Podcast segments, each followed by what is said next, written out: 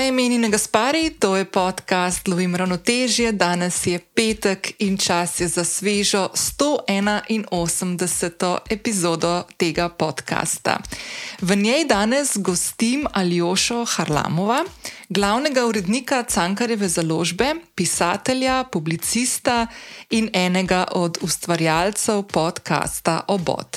Z Aljošo govoriva o knjigah, o pomenu literature o pomenu branja, izzivih sodobne družbe in aktivnem državljanstvu. Govoriva tudi o odgovornem, spodobnem, prijaznem in empatičnem komuniciranju na družabnih omrežjih, kako Aljoša kot knjižni urednik bdi nad pojavljanjem stereotipov v literaturi, pa tudi o cancel culture fenomenu, podpiranju dobrih zgodb, ustvarjanju podcasta, spremljanju serij in filmov.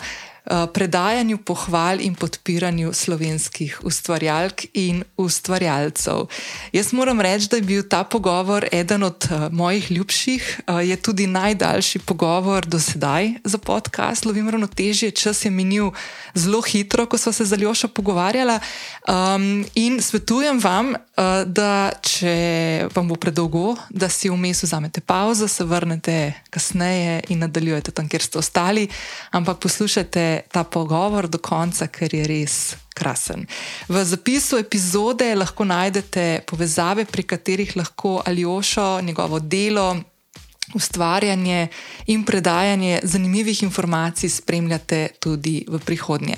Če vam je podcast Lovim ravnotežje všeč in ga radi poslušate, vas kot vedno vabim, da se na, na mobilni aplikaciji, pri kateri poslušate ta podcast, tudi prijavite. S tem meni, kot ustvarjalki podcasta, pomagate, da za podcast slišijo tudi drugi, ki morda do zdaj še niso poznali tega kanala, in da lahko na podcast povabim zanimive sogovornice in sogovornike, kot je današnji gost. In z veseljem te debate, ki jih imam z mojimi gostji in gosti, ujamem v mikrofon, da jim lahko kasneje prisluhnite tudi vi. Kot vedno se mi lahko oglasite na zasebno sporočilo, najraje vidim, da to naredite na Instagramu, ker se vam tam najhitreje oglasim nazaj. Vedno pa sem vesela tudi, če delite, da poslušate podcast Lovim ravnoteže na svojih družbenih omrežjih, ne me pozabite označiti, da vas lahko podelim naprej in se vam predvsem tudi zahvalim. Uživajte v pogovoru z Aljošo Harlamovim in se slišimo ob koncu pogovora. Aljoša, dobrodošel na podkastu. Ljubim ravnoteže, malo imam tremo, ker se s kolegom podcasterjem pogovarjam. Prosim, res brez treme, ampak uh, hvala za povabilo. Ja, z veseljem. Jaz sem si malo zamislila s tabo govoriti o kupenih stvarih. Ne bom te dala v predalčke. Super. Ampak, glede na to, da gre ta epizoda med poletjem ven, ko uh mhm. -huh. bomo imeli več, upam, več časa tudi za branje, in tako bi se furala veliko pogovarjala o knjigah. Super. Um, bi pa za začetek mogoče šla tako malo nazaj, pa te dala malo kontekst. In bom v bistvu čiste prepustila Um, da poveš, kdo je Aljoša. kdo je Aljoša? Hm, mislim, da je to še kar težko vprašanje. V resnici še jaz ne vem, če so dobre, ampak kup, en kupenih stvari delam in zelo me veseli, da se ne bova predalčkala, ker se jaz tudi ne pustim. Kar tako predalčkati. Načeloma je moja prva stvar, kar vedno rečem, da sem bralec. Zdaj to pomeni, da sem strokovni bralec, pač včasih sem delal um, tudi seveda strokovne članke, doktorat in vse to, in imam vso to mašinerijo zadaj, akademsko neko delo, študij na literaturi, to še tudi vedno zdaj počnem, še vedno recimo berem, um, mogoče malo manj akademske članke, ampak berem kakšne monografije o zgodovini svetovne literature, kakšne take stvari. Um, ampak ja, kot urednik, zdaj le, ker sem šest-sedem let na Sankarvi založbi, kot urednik profesionalno berem, skratka, berem rokopise, berem predloge za prevode, berem stvari, na katerih delam, in vedno bo moja prva stvar, da sem bralec. Zdaj pa jaz urednikovanje nekako povežem s tem, da sem bralec. Zdaj zadnjih tudi pet let sem podcaster, pač delamo podcast obod z Mitom in Igorjem, in na to sem ful ponosen, ker je v resnici iz neke čiste zajebancije, iz neke čiste heca v resnici. No, smo prišli do tega podcasta in ga začeli delati, in jaz vedno povem, ne boste verjeli, da je to že ta pa ta epizoda, ker jaz sam nisem verjel, da bomo tako dolgo zdržali. Koliko epizod je? Zdaj smo 162, menda, tle, Okej. tle nekje. In to je v petih letih. Ne? Ja. In zdaj gremo na počitnice. No? Zdaj, danes bi mogla biti objavljena, ni še, ker še mi, Igor ni zmontiral, ampak danes bi mogla biti objavljena, ko to snemava 100, mislim, da 62 ali tam nekje epizoda. In meni se to zdi ogromno. No? Meni se ja. to zdi ogromno. Veliko smo delali, dobro, ko je bila pandemija, smo delali vsak teden, tam se je pač tega precej uh, naneslo.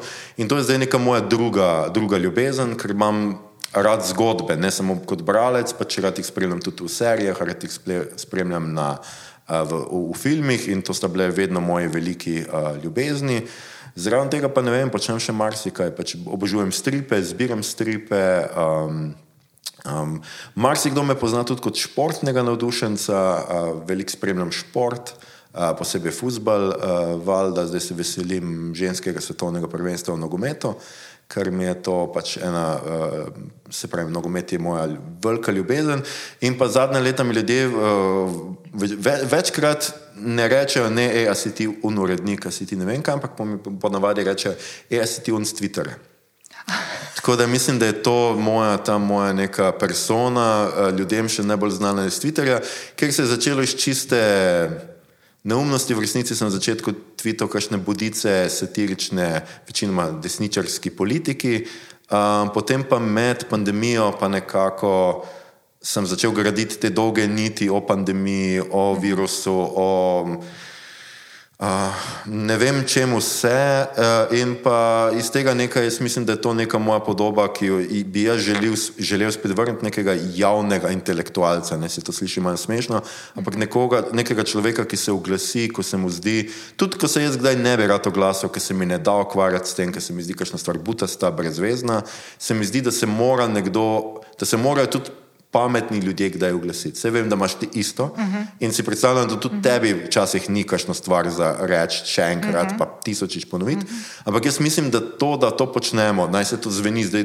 samo poliče, poveličevalno, kot se komu zdi, se mi pa zdi, da je zelo pomembno za javni prostor. Uh -huh. Ker veš, kakšen je Twitter ratu, uh -huh. Twitter je res greznica, res je postala ena kled velika. Jaz mislim, da to, da se ljudje oglašamo, ki imamo kaj zapovedati, ki imamo neka demokratična, včasih liberalna, ne vem, stališča, progresivna stališča, da je to absolutno nujno potrebno.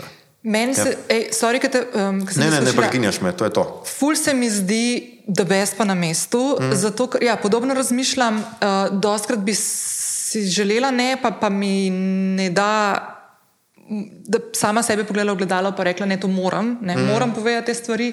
Zelo velikokrat se nazaj potegnem. Zato, ker jaz pa prehajam iz tistega dela moje zgodovine Twitterja, ko sem uh, zelo rada špikala in zelo rada se kregala in zelo rada bila glasna in vse znalka. Um, in sem v bistvu mogla zelo veliko korakov nazaj narediti, ker točno vem, kako ti to spodbuja in na čustveni ravni, in kako v bistvu te stvari potrebuješ in vedno bolj in vedno več mm. in vedno bolj agresivne in vedno bolj moraš biti glasen. In točno vem, kaj se človeku dogaja. In sem vsakič, ko se sicer zadržim, takrat, ko mislim, da bi šla mal prek tega spet, mm. sem vesela, da se, sem pa zelo vesela tudi takrat, ko se oglasim, ker se mi zdi pomembno, pa predvsem zato, ker običajno ljudje, ki razmišljamo podobno kot mi dva, mm. se ne oglašamo javno. Ja, ja, ja. In, in točno to je tisto. Veš, jaz- mislim, da je to neka naloga. Jaz to, veš kaj, meni dostkrat rečejo, recimo kolegi. Uh, Vsaj tako je veljalo še recimo nekaj let nazaj, uh, kolegi pisatelji ali pa kolegi uredniki, ljudje, ki se ukvarjajo s kulturo. Zakaj bi jaz šel na socialna omrežja, tam je samo sranje? In potem jaz rečem, ja, sranje je, ker ti nisi na socialnih ne? In mene pač absolutno prizadene in se mi zdi grozljivo, ko gledam recimo slovenske avtorje, slovenske kulturnike, ne vem kaj, ki bojo objavljali. Ne vem, svoje fotografije z plaže, eh, s- eh, fotografije sončnih zahodov, hišne ljubljenčke, otroke, ne vem kaj vse, ampak bog ne da, kaj je v kulturi. Mislim, če mi hočemo, da je kultura na socialnih omrežjih, jo moramo najprej mi objavljati. No? Jaz to mislim. In enako je tako, ne? nek diskurs, političen, javen, kakorkoli že je, mi smo odgovorni za to, na kakšni ravni je. In če si ti ne oglašaš, je pač prepuščaš to raven unim, ki lajajo. Ja, ja, in prostor, in dobivaš neko tako, se mi zdi, tako podobo neke realnosti, ki niti ne odseva um, uh, razpršenosti Ja. mnen v družbi. Ne? Absolutno ne. Hkrati, da s tem. A veš, vse jaz ne rečem, da se moraš prepirati z ljudmi. Jaz se ne. Jaz jih večinoma naredim na utišam jih, jih dam na mute, Nekatere potem tudi blokiram, če se to res repetitivno ponavlja, pa neke grožnje, vse prijavljam, vedno pač vzamem si čas, včasih spet od, odutišam vse tiste, ki, ko se jih teh nabere in jih začnem pač sistematično prijavljati Twitterju. Um, in jaz mislim, da se z ljudmi nima smisla prepirati. Ampak jaz tudi mislim, da vsakeč, ko nekdo ironično pa se norčuje iz mene, pa retvita mojo nit, verjamem, da obstaja nek odstotek priložnosti, nek možnosti, da nekdo od njegovih sledilcev to prebere, pa vidi, pa sej ta se norca dela z njega, kakšen je, kdo je in ne vem kaj, ampak ta človek pa v resnici argumentirano pojasni svoje stališče. Tudi če se z mano ne strinja, jaz upam, da, tem, da se vsaj strinja s tem, da, da diskurs mora biti na neki ravni. No? Mm -hmm. Jaz mislim, da um, si verjetno ti eden od tistih profilov, ki jaz največkrat delim niti ki se mi zdi tako res ful na mestu. Pa, ne vem, če sem kdaj pri tebi opazila, da se naprimer, s kakšno stvarjo res ne bi strinjala, tako, mm. čist, da, da bi bilo diametralno yeah. Ja. drugačno. In bom tudi polinkala tvoj profil za vse tiste, ki mogoče ste na Twitterju, ali pa bi šli, pa vas je strah, ker je tam greznica. Ne vedno in mm. ne samo to. to. Ampak, veš kaj, da je mogoče, bom, bo še mogoče malo zajadralo te yeah. dnevne stvari. Bralec, mm -hmm. da mi povej, Kako, kdaj si ti tako pri sebi vzljubil branje? Se je to tako, kakšen moment zgodil, se je pojavil kakšen knjižničar ali mm. kakšna profesorica? Uh, ni zgodba tako preprosta. Oziroma, bolj preprosta je v tem smislu, da uh, ni se pojavil ne knjižničar, ne profesorica, ampak mama. Oh. Zelo preprosta mama. Uh, meni so pač brali, oziroma najprej, seveda, mama mi je uh, pela pesmi, ko sem bil dojenček. Uh, pripovedovala zgodbe, pravljice, ki sem bil pač mehen, potem smo brali skupaj in potem je tudi moja mama pač z zgledom, pač, ki je vedno brala, kadar je imela prosti čas, pa po zimi, recimo tudi, tudi moj oče, čeprav je bral, ne vem, western romane v Neskijovskem, ampak recimo po zimi, ker ni imel toliko velik dela, je moj tudi moj fotor velik bral, recimo uh, stvari. In jaz sem nekako odraščal s tem, da je branje nekaj, kar je neko kvalitetno preživljanje časa. In sem zelo zgodaj zlubil knjige, berem se pravi vem, od četrtega, petega leta, recimo že znam brati. In jaz sem zelo hitro sam bral in pozneje, recimo svojemu mlajšemu bratu, uh, ki mama ni imela toliko časa, sem jaz, recimo, že jaz bral knjige. Meni je knjiga tudi vedno pomenila neko povezavo z ljudmi. Nek most, dalo se je pogovarjati, uh, tudi pri želišču je bilo mar, zaradi marsikesa, kar se mi je dogajalo v moji mladosti.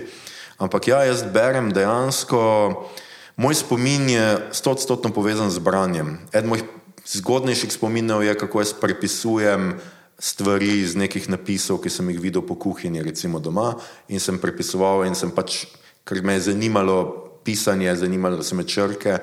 In, um, Tako da je zelo težko reči. Seveda so bile skozi leta neke učiteljice slovenščine, tudi, ki so me spodbujale bolj k pisanju kot branju, resnico, ker me tam res ni rabo noben še dodatno uh, spodbujati. Ampak jaz mislim, da je ključno, zakaj sem pa ostal, recimo, tako rekla, bralec, ključno je bilo pa ne vem ta prehod. Ker ponovadi se bralci izgubijo iz prehode v osnovno šolo, v srednjo šolo. Je pa bilo to, da sem v srednji šoli našel pač kup nekih uh, geekov, bi danes temu rekli, ne, ki so tudi veliko brali fantasy in podobno. In sem jaz zamenjal, oziroma zamenjal sem se toliko vrgel v to noter, zato ker se mi je zdelo, da imam tle neko družbo in sem začel to brati in spet skozi to nekaj gradil uh, neke skupnosti. In jaz dejansko, razen med pandemijo, prvo leto, mislim, da sem v prvem letu pandemije prebral samo eno ali dve knjige, tako zase. Vse ostalo sem to za službo, pa če se moram šteti, ker to je moj job in Aha. to moram brati. Ne? Ampak zase mislim, da sem prebral eno, dve knjige, ker mi je bila pandemija, začetek pandemije tako mučen, ja. tako živčen. Uh -huh. uh, tako sem bil usmerjen v druge stvari, da nisem imel te mirnosti brati, ampak razen tega se jaz ne spomnim skoraj nobenega daljšega, ne vem, večmesečnega obdobja, v katerem jaz ne bi prebral, ne vem, vsaj knjige na teden. Ej, to si omenil, uh, ker zdaj, ko sem te poslušala, jaz tudi prihajam iz nekega okolja, ker so bile knjige vedno del. Mm. Um, moj dedek je imel knjižnico doma in imel, zapisoval si je, komu je knjigo posodil, pa kdaj, pa kdaj je nazaj Amen, dobil. Mm. Ja, pa štempilke z imenom, pa primkom je imel noter na prvi strani, noter in tako naprej. Ampak, naprimer, ful mi je zanimivo, ko si rekel, da, te, da doskrat te mine med sre, osnovno in srednjo šolo, ker mm. meni se je to zgodilo. Mm. In pol dolg časa jaz sem celo srednjo šolo, zdaj, smo se gli z Miho pogovarjala, po manj pretekel vikend, ko smo se pelala mimo. Jo, ful mi je narodno to rečem, glas, ampak klinc. Uh, mim vrhnike okay. in je tam slika uh, Ivana Cankarja. Mm. In jaz v enem momentu rečem, čakaj. A sem jaz nekaj zabluzila, on ima nekaj s kavo skupaj, ne pa on tako, ja, skodelica kave, pa tako, fuck, jaz sem nekaj, sem zdaj v Ivano, ko bili, vse sem nekaj zmešala yeah. Ja, ja. med sabo in sem rekla, kako je to grozen, pa Miha pa mi začel razlagati, kako je skodelica kave, da se začne tam neka dolga zgodba o nekem ne vem kva mm. in da pa je ful kratek del v bistvu o tej skodelici kave, ki mu je mama naredila. In sem rekla, jaz ti moram prav priznati, da z tega nisem prebrala. In me je tako rekel, kako to sem rekla, zato ker sem jaz v srednji šoli iskala bližnjice, da mi ni bilo treba brati. Uh mhm. -huh. Vem, da je bilo za angliško literaturo, ki smo imeli po angliščini, da si dobil lahko te povzetke, ki smo jih kupovali. Ja, ja, ja. In mi je v bistvu ful, zdaj, ko nazaj gledam, ali kaj sploh pameten, mi je ful žal tega momenta. Ampak, veš kaj, jaz ti bom tako rekel, tudi jaz nisem v srednji šoli, nisem veliko bral tega, kar smo morali pa v šoli. Mm -hmm. Jaz sem mhm. bral tisto, kar smo imeli na eseju. Večinoma ostalega pa ne, razen kar, je, kar se mi je v Berilu že zdelo zanimivo. Tako, recimo, jaz sem takrat veliko več bral poezije kot je danes, jaz poezijo zdaj berem tudi zelo počasi, moram priznati. No, ampak takrat ne vem, kakšni kosoveli, zajci, take stvari so me absolutno navduševale. Uh, drame sem zelo rad bral, ampak veliko nisem jaz bral veliko. Um, tega pač domačega branja, kako smo imeli, ampak druge stvari, mm. veliko recimo tudi žanra. Mi smo, tako kot sem rekel, takrat brali fantasy, jaz sem bral znanstveno fantastiko, bral sem neke filozofske romane, bral sem marksistična neka dela. Mene je pač to zanimalo, zanimala me je neka politika, zanimale so me neke čisto druge stvari od tega, kar smo mi v srednji šoli jemali. Jaz mislim, da se je sicer kurikulum vmes malo posodobo, ker smo mi dva hodila v šolo, valjda, da, da se je spremenil, ampak jaz se bojim, da je še vedno preveč tega, da, da te silijo brati prehitro knjige, ki niso pravi trenutek zate. Ja. Ker sem potem na faksu prebral večino svetovne, eh, svetovnega kanona, ki ga nisem prebral v gimnaziji. Ja, pa veš kaj, a se ti spomniš za nazaj? Jaz se, jaz se pol spomnim, jaz sem v srednji šoli dobila eno učiteljico slovenščine, ki je bila tako zelo zanimiva in je ful sem imela občutek, da spodbuja, mm. ko smo mogli neke interpretacije, pa nekaj seje, ki smo mogli mm. pisati. Jo je ful zanimalo, kaj bomo mi si mislili o neki stvari, ki smo jo obdelovali, neki mm. temi. Ne, ne vem, pa je bil to lahko. Mi smo, smo imeli tistega matička na, na, na, na, na maturi. Mm. In mi je bilo to ful dobr, in ona je meni, na primer, to ful spodbudila. To, um, ravno zaradi tega, ker sem imela občutek, da hoče slišati moje mnenje. Da zaradi tega bom jaz to preštudirala, si ustvarila neko svoje mnenje in to napisala. In se mi zdi tega ful mal. Ja, jaz se bojim, da tudi še vedno je tega predvsem malo. Zdaj, sicer se Zdaj so razne pedagoške teorije. Jaz tudi nikoli ne bi posem izbrisal tega, da moraš neko knjigo spraviti v nek zgodovinski kontekst in v kontekst avtora in tako naprej. Ampak jaz, jaz se bojim, da je tega še vedno precej malo. Jaz sem zdaj veliko nastopal po šolah, ker zdaj že zadnjih pet let berem skupaj z, z, z dijaki maturitetno branje, skratka, ki ga imajo na eseju in potem me vabijo na različne šole, da to razloži, razlagam mulcem. In meni se zdi zmeri malo zabavno in zdaj bom mal piker in čez tiste, ki so me zaposlili za, za te stvari, ampak ko mi rečejo, ja super ste razložili dijakom, čist na njihovem nivoju in ne vem kaj, ful, ful mi je bilo zanimivo, se jaz tako, ja ampak to bi mogli vi. Kako mislim, pa drugače? Ja, kako pa drugače? Ja, seveda, jaz govorim vem, o Antigoni, sem govoril o Greti Thunberg, o Niki Kovač, ob, uh, govoril sem potem o jaz tudi pri dogodku v mestu Gogi. Pač so stvari, ki se povezuje. Meni je to normalno in naravno, da moraš ti uh, povezovati. Ampak se veš, da ni tako. Mhm. Jaz ti lahko povem eno anegdoto, ki sicer sem jo večkrat povedal, ampak mogoče je poslušalci tega podcasta še niso slišali.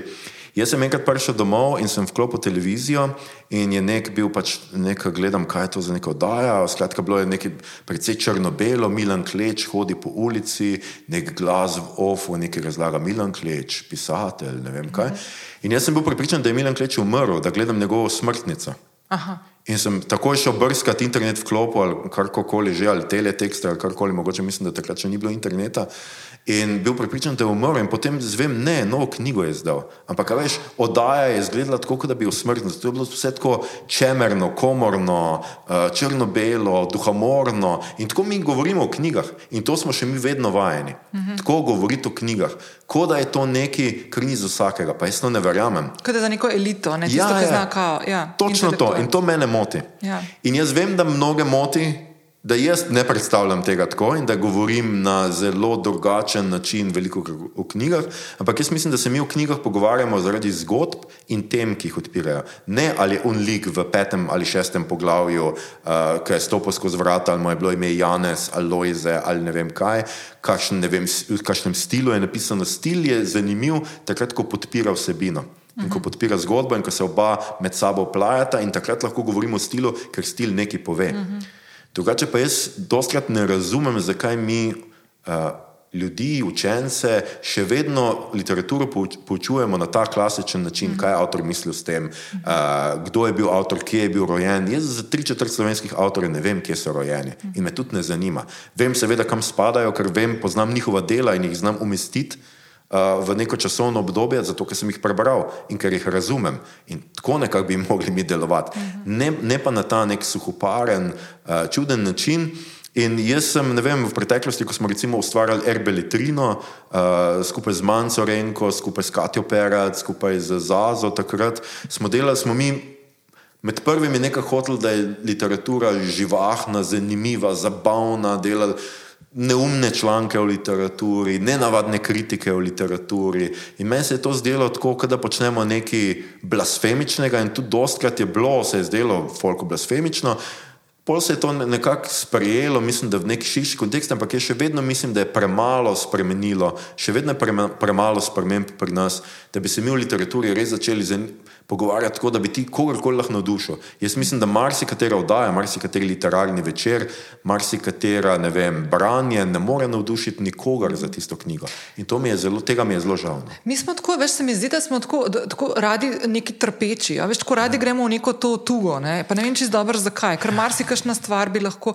Veš, kaj se zdaj odprlo? Nisem sploh pomislila, ker sem mm. razmišljala o najnem pogovoru, uh, pa ne vem zakaj, v bistvu, ker si najboljši človek za to debato. Ampak V bistvu iz tega, kar si zdaj povedal, me zanima eno tvoje mnenje in sicer to, kako se zdaj v tujini, pa mi se furadi učimo, predvsem iz Amerike, ne, uh, s takim pompoznim načinom uh, prepoveduje določene knjige.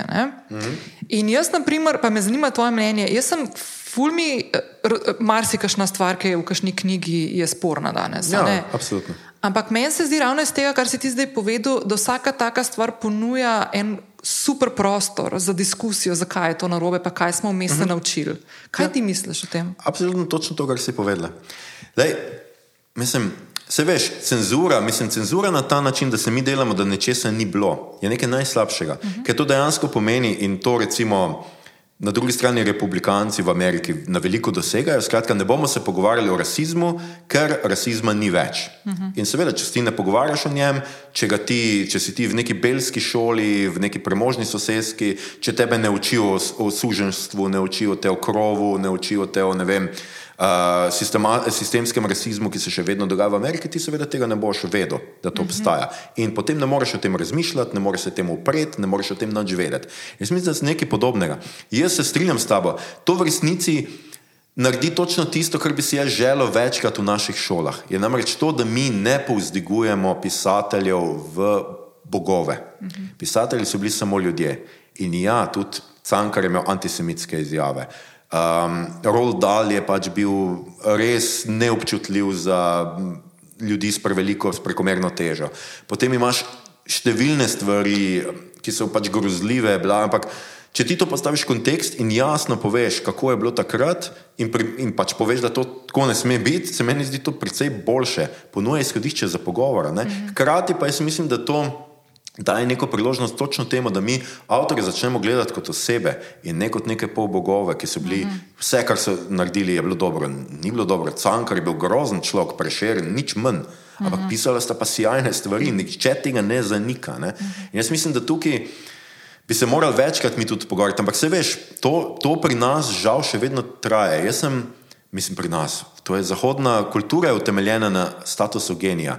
Jaz sem nekaj let nazaj za trenutek ujel nek dokumentarec o Bergmanu, na katerem so tako, da povedali, skratka, Bergman je igralec, ki je igral v tej njegovi, um, kaj že ta film, kjer on šahira smrtjo, zdaj mi je pa z glave zbežala. Skratka, enemu igralcu filmu je zato, da bi se on počutil bolj umrljivega in bolj. Um, skratka, prizadetega lažje zaigral, to se mu je zlagal, da je nek študijski zdravnik mu odkril neko fulnevarno bolezen.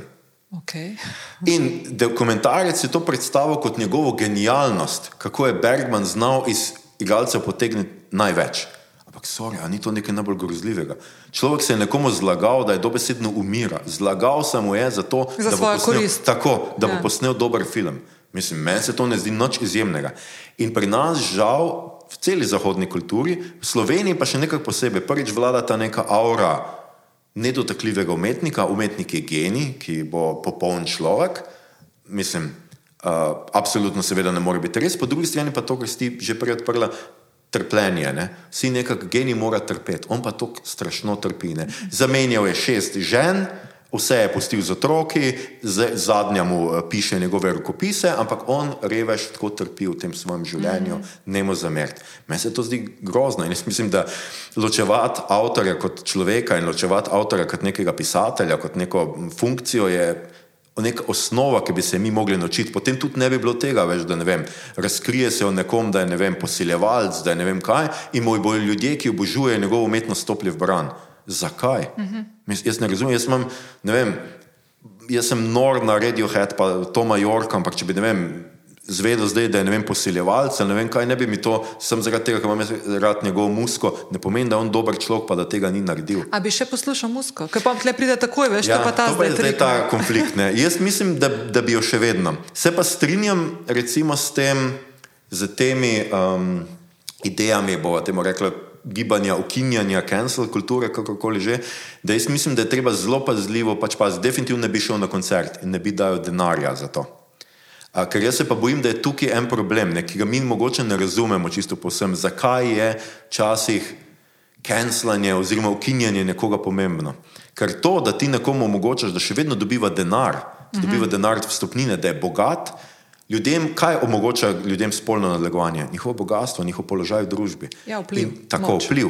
In to moraš ti njim presekati, da dejansko lahko nehajo, ker drugače bo on to še počel in ga ti dejansko omogočaš njegovo ravnanje. In tukaj pri živih ljudeh imam jaz seveda ta problem in mislim, da je ta problem definitivno smiseln. Ni, nimam vedno odgovora, kaj, kaj narediti, pa kaj je prav, ampak jaz mislim, da recimo v končni fazi pa veš.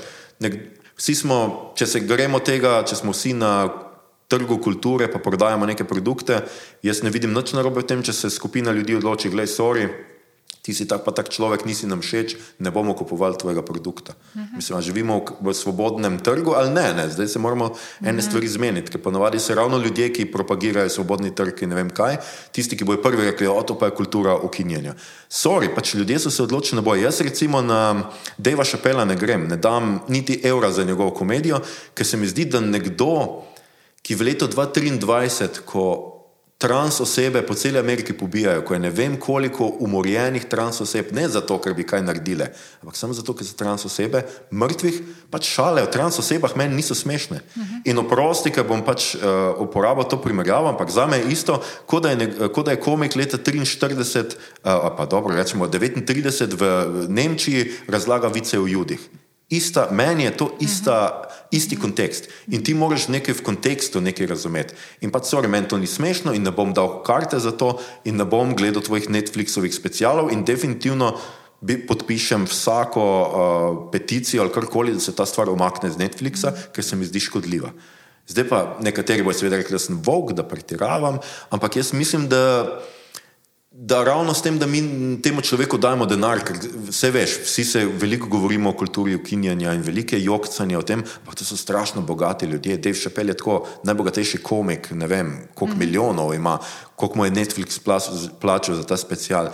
Trditi, da je on zdaj nek blazno trpeč človek zaradi tega, ker ga nekateri, nekateri kenslajo, je neumnost. Ne?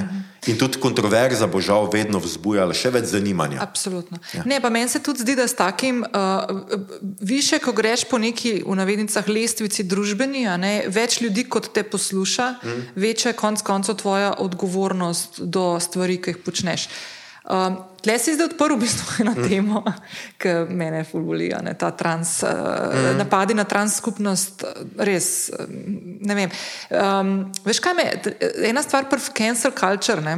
Mm. Jaz načeloma imam tako, tudi zelo tak love-hate relationship do tega. Vem, najbolj mi je zanimivo gledati, kje je ta meja, kdaj, Ja. kdaj prideš v to noter, kar se ti zdaj omenil, da se strinjaš s tem, da se, kar se tudi jaz strinjam. Mm. Ampak kdaj je zdaj ta moment, kdaj človeku pustiti možnost, da ima prostor za to, da se pokaže, da se je iz tega nekaj naučil, Tako. oziroma ne, ali pa pustiti, da pokaže, da se ni ničesar naučil. Ne. Ja, tu pa imaš, tu, tu se tudi jaz zdaj sprašujem, ker definitivno pa mislim, da smo trenutno v eni kulturi, ki prehitro obsoja, Ja.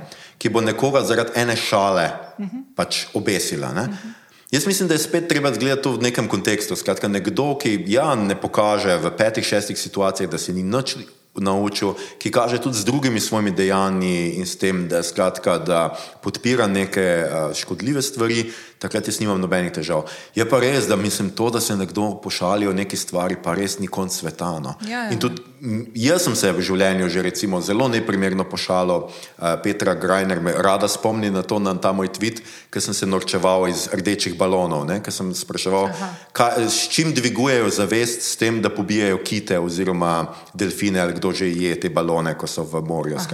Neumna šala je bila, ki ni ničesar povedala meni pač. Mislil sem, da te balone spuščajo v zrak, to mi res ni bilo všeč, se mi je zdelo okoljsko zelo neodgovorno in tako. Ampak, veš, jaz bi tudi lahko boljš premislil. In um, ko so me opozorili, ker niti nisem vedel, zakaj v resnici je bil, mm -hmm. to je bil eni prvih teh pohodov, ko so me opozorili, da seveda kaj govorim, da je pač neumno, zakaj to je, sem se opravičil in se mi je zdelo tako. In tudi s Petro sva, vedno, ko se vidiva, se smejiva temu. Ne? Ni zdaj ona absolutno ve, da jaz nisem nek grozen človek, ki bi imel karkoli proti uh, komorkoli, ne? ampak moraš imeti, jaz mislim, da absolutno prehitro začnemo obsojati ljudi in prehitro začnemo po eni izjavi nekoga metati ven. Ampak po drugi strani pa gledaj, ja, absolutno so ti ekscesi, dogajajo se v ZDA, ne, se ve, se ve, slišali smo vsi tisto zgodbo, neka, kaj je že bila ena ženska, nek, nek, bila je neka podjetnica, ki je nekaj tvitnila z letališča, neko, ne vem, rasistično opasko, pa priletela Aha. nazaj, pa že bila odpuščena Aha. in tako in se mi je tudi zdelo, seveda, zdaj, če ima nekdo dolgo zgodovino rasizma, nekih sistemske podpore uh, rasizmu, če, če ne vem, absolutno, ampak mislim, da je bilo v njenem res ena zelo neumna šala, ki je mogoče ni dobro Ja. premislila in tako naprej. V takih primerih mislim, da ni, ampak po drugi strani pa gledaj, naše TV ekrane in naše časopise zapolnjujejo gospodje, ki trdijo, da ženska ne more biti zdravnica, pilotka in ne vem kaj, in se tem ljudem nič ne zgodi. Ja. A veš, Ja. jaz, jaz ne vem, zakaj mi tako javkamo o, neke, o nečem, česar pri nas absolutno ni. Še vedno nastopajo na, uh, na televiziji uh, obsojeni. Uh, pretepači žensk, še vedno se dogaja, da recimo uh, zelo znana TV voditeljica, ki je uh, pla, delala plagiat, kolumen, vodi oddaje na televiziji. Recimo, to so stvari, pri katerih jaz mislim, da se Slovenci tukaj nekaj ukvarjamo s stvarjo, ki absolutno pri nas je ni. Ej, a veš, eno temo odprl, ne bom, šla v, ne bom šla v imena, ampak jaz sem bila zadnjič na enem dogodku, uh -huh. krasnem dogodku na, na Ljubljanskem gradu. Že lokacija je taka, draga oh, lokacija, super. Nobel, Nobel. -huh. In na tem dogodku je bila zelo zanimiva um, mešanica različnih ljudi z različnih področji. Uh -huh. uh, in jaz sem bila ful presenečena, na- da na tem dogodku so se pojavljale osebe, uh, ki so za, za mene ful sporne, z vidika, ker ali nastopajo kot zelo konkretno uh, aktivni akteri raz, uh, uh, razdvajanja in razpadanja RTV-ja, uh -huh. ali pa gre, je šlo za določene osebe, ki uh, v politiki, uh, pa boš po mojem tako vedel, kjer, kjer osebo mislim. Uh -huh. Ki sprožajo razno razna poslanska vprašanja, ki nimajo nobene osnove na nobenih dejstvih, preverjenih informacijah, mm. in tako naprej. In jaz prvo stvar, ki sem pomislila, pa sem lahko naivna, pa sem lahko bolj papeška od papeža, pa vse te stvari sem dala preseb skozi, pa še vedno ne najdem čisto dobrega razloga, da če ti organiziraš neko tako zabavo, kako je možno, pa jaz ne rečem, te ljudi treba skenslati, yeah. ne, ne ja. rečem tega, ampak jaz ne razumem, da take ljudje dobijo vabila na take dogodke. Sorry. Ja, Ker je ja. bilo meni kot gosti tega dogodka neprijetno, da sem v istem prostoru s temi ljudmi. Bom po pravici povedala. Ja, ja, ja. Sej, gled, tukaj so, se pravi, so neke meje in tako zdaj pa seveda vprašanje, kakšen je dogodek, v kakšnem okviru, ampak jaz definitivno pa si mislim, da ti ne odpiraš nekomu javnega prostora, ki take stvari govori ali pa širi. Ne. Jaz sem pač. Uh, In da se tam vsi delamo, da tega ni bilo. Tako, in da A se veš? delamo, da tega ni bilo. Jaz, recimo, sem zelo bil razočaran nad uh, Tomažem Masnakom v dnevniku in njegovimi zelo odkritimi anticepilskimi, paranoidnimi stališči. In ko sem na to opozoril urednika, je rekel, da ne znam brati in da sem butl. Sem videl, se ne. spomnim. Ja. In meni se je zdelo tako, ok. Lahko verjamem, da zagovarjaš svojega avtorja, lahko zagovarjam tudi, da se pretvarjaš, da ne veš, kaj počne ta človek. Ne? Ker mene, tudi mene dvom v cepiva ne moti sam po sebi, tudi mene ne moti dvom v multikorporacije, ki proizvajajo in, eh, in služijo zdravili, farmacevtska podjetja. Vsi vemo, vsi vemo, da vabijo zdravnike na jahte, da pridejo do tega, da prodajo njihova zdravila in tako naprej. In tako naprej. Meni je to zdrav dvom. Pa gaslighting. Ja, ampak tukaj ni šlo za to, tukaj je šlo za manipulacije. Šlo je za to, da je recimo on citiral nekaj iz enega ameriškega časopisa, kjer je bilo jasno, da tega citata ni noter. On si je zmislil, kar tam piše. In to, ta, to besedilo je bilo vsem na voljo. In urednik po številnih opozorilih ni preveril nič. Nikoli, ni, ur, ni opravil svoje uredniške vloge. Jaz mm -hmm. vem, kaj je uredniška vloga, sem urednik, vem, da se časopis razlikuje, ampak ravno zaradi tega bi moral on še bolj paziti na neka mm -hmm. etična, profesionalna stališča svojega foha. In meni je bilo pač grozno, ko so ga recimo na koncu masnaka skenslali, kao, ne? ampak so trdili, da so to naredili, ne vem kaj, da je že toliko let sodeluje in da rabijo sveže moči. Meni se je to delo total, zdelo totalno sprenevedanje. Mm -hmm. In Mene- še, in še bolj sem, sorry, te prekinem, še bolj sem bil razočaran, ko ga recimo Antoko, človek, ki se ga jaz strašno občudujem, ker sem, ne vem, od mladega rad bral njegove kolumne, poslušal njegov musko, ga imel za izredno pametnega človeka, reče, da je ta njegov antiglobalizem cilj, sredstva pa niso pomembna. Ja. Skratka, kako on pride do sredstev, ni pomembno, važno je, da je on antiglobalist in tukaj se mi najdemo. Mm -hmm. Sorry, sredstva so absolutno najpomembnejša stvar. In če se tukaj Če, če nekdo misli, da cilj posvečuje sredstva, je to pač res nekaj najbolj zavržnega, kar se mene tiče. In jaz sem bil tukaj zelo razočaran nad slovensko javnostjo, nad profesionalizacijo slovenskih medijev, ker se enako dogajalo na začetku pandemije. Tudi, ne vem, Lud literatura je objavila en grozno neumno kolumno, ki se je pretvarjala, da ni anticepilska, čeprav je bila v vsaki svoji izjavi obs- absolutno anticepilska. In mi smo tukaj, jaz mislim, da je pandemija res pokazala, kako mi ne znamo spoštovati nekih profesionalnih standardov. In mene tudi ne moti, sej, kot je nekdo napisal, tudi mene ne motijo desna stališča sama po sebi konzervativna, ampak vemo, kje nimajo prav. In mi se še v letu 2024 ne moramo pretvarjati, da nekdo z biblijskimi citati lahko karkoli argumentira ali pa dokaže. Ne v sekularni družbi. In tukaj je vse, kar je tudi na RTV-u ta trenutek, ni problem desničarska vsebina, problem je po- popoln padec profesionalizacije, popoln padec standardov. To pa je problem. Tukaj pa jaz ne vidim, kako ti lahko rečeš, da ti lahko kot mnenje prodaš karkoli hočeš. Ti kot mnenje ne moreš. Jaz, kot, jaz rečem, da si ti, ne vem, serijska morilka, to ne more biti mnenje, jaz moram to dokazati. Uh -huh. Jaz ne morem kar nekoga nekaj obtoževati. In mi se danes pretvarjamo, kot da je internet porušil vse standarde, uh -huh. ampak ti standardi še vedno normalno veljajo, kljub temu, da je internet. Uh -huh. In to je pač tisto, kar meni zaskrbljujoče, zdaj sem malo zašel, pa Ne, prekinil ampak sem si, te. ne, super si rekel, ne veš kaj, tle bom eno stvar, sam, mogoče da se vrnem nazaj. Kaj sem jaz takrat bila jezna, ker si dubo to od, od odgovornega urednika od dnevnika, mm. to, da je hotel na tebe prenesti, da ti nečesa ne razumeš. Ja, To je ja. to klasično metanje peska v oči. Ne? Ja, ja pa, pa drugače, gledaj, spet. Do, ni slab človek pač Zino je nekaj, kar je bil očitno jezen. Zato, V afektu je nekaj Tako v reagiral, afektu, ne. ker sem jaz pač rekel, da dnevnika ne kupujem več in res ga od takrat, Ja. mislim, da sem ga kupil mogoče enkrat ali pa dvakrat. In jaz to znam razumeti in nočem ga cancelati, nič, ampak žal pač ta odgovor v nekem kontekstu kaže na neke pomankanje uredniškega premisleka, kaj sploh urednik počne, kaj je odgovornost medija in kaj je kolumna. A Veš, nam prodajajo, kot da je kolumna mnenje in da ti lahko kot mnenje karkoli napišeš, to, kar sem rekel, ampak ne moreš, ni res. To ni mnenje. Ti moraš še vedno imeti mnenje v okviru nekih, ne vem, fizikalnih, logičnih zakonov in neke argumentacije. In to je, to je kar problem. In tukaj imamo točno to, ne, da nekateri ljudje kar ko, komot nastopajo v, v javnosti še vedno. in jih bojo vabili v oddaje, ker seveda, mislim. A veš, oddaje si prizadevajo za gledanost in rabijo kontroverzne ljudi. In rabijo ljudi, ki bojo vsakih pet minut zinili neko neumnost, ne pa ljudi, ki bojo tam prišli in rekli: Jaz to razumem, kompleksno vprašanje in bo pol ure odgovarjal. Temu, zato sem ravno to sem zdaj hotela reči, kar si omenil prej, David Šapela, pa pol te, uh, pa, pa transpol, problematiko transpolnih oseb, mm. cancel culture, knjig, pa tega. Mm. Da v bistvu.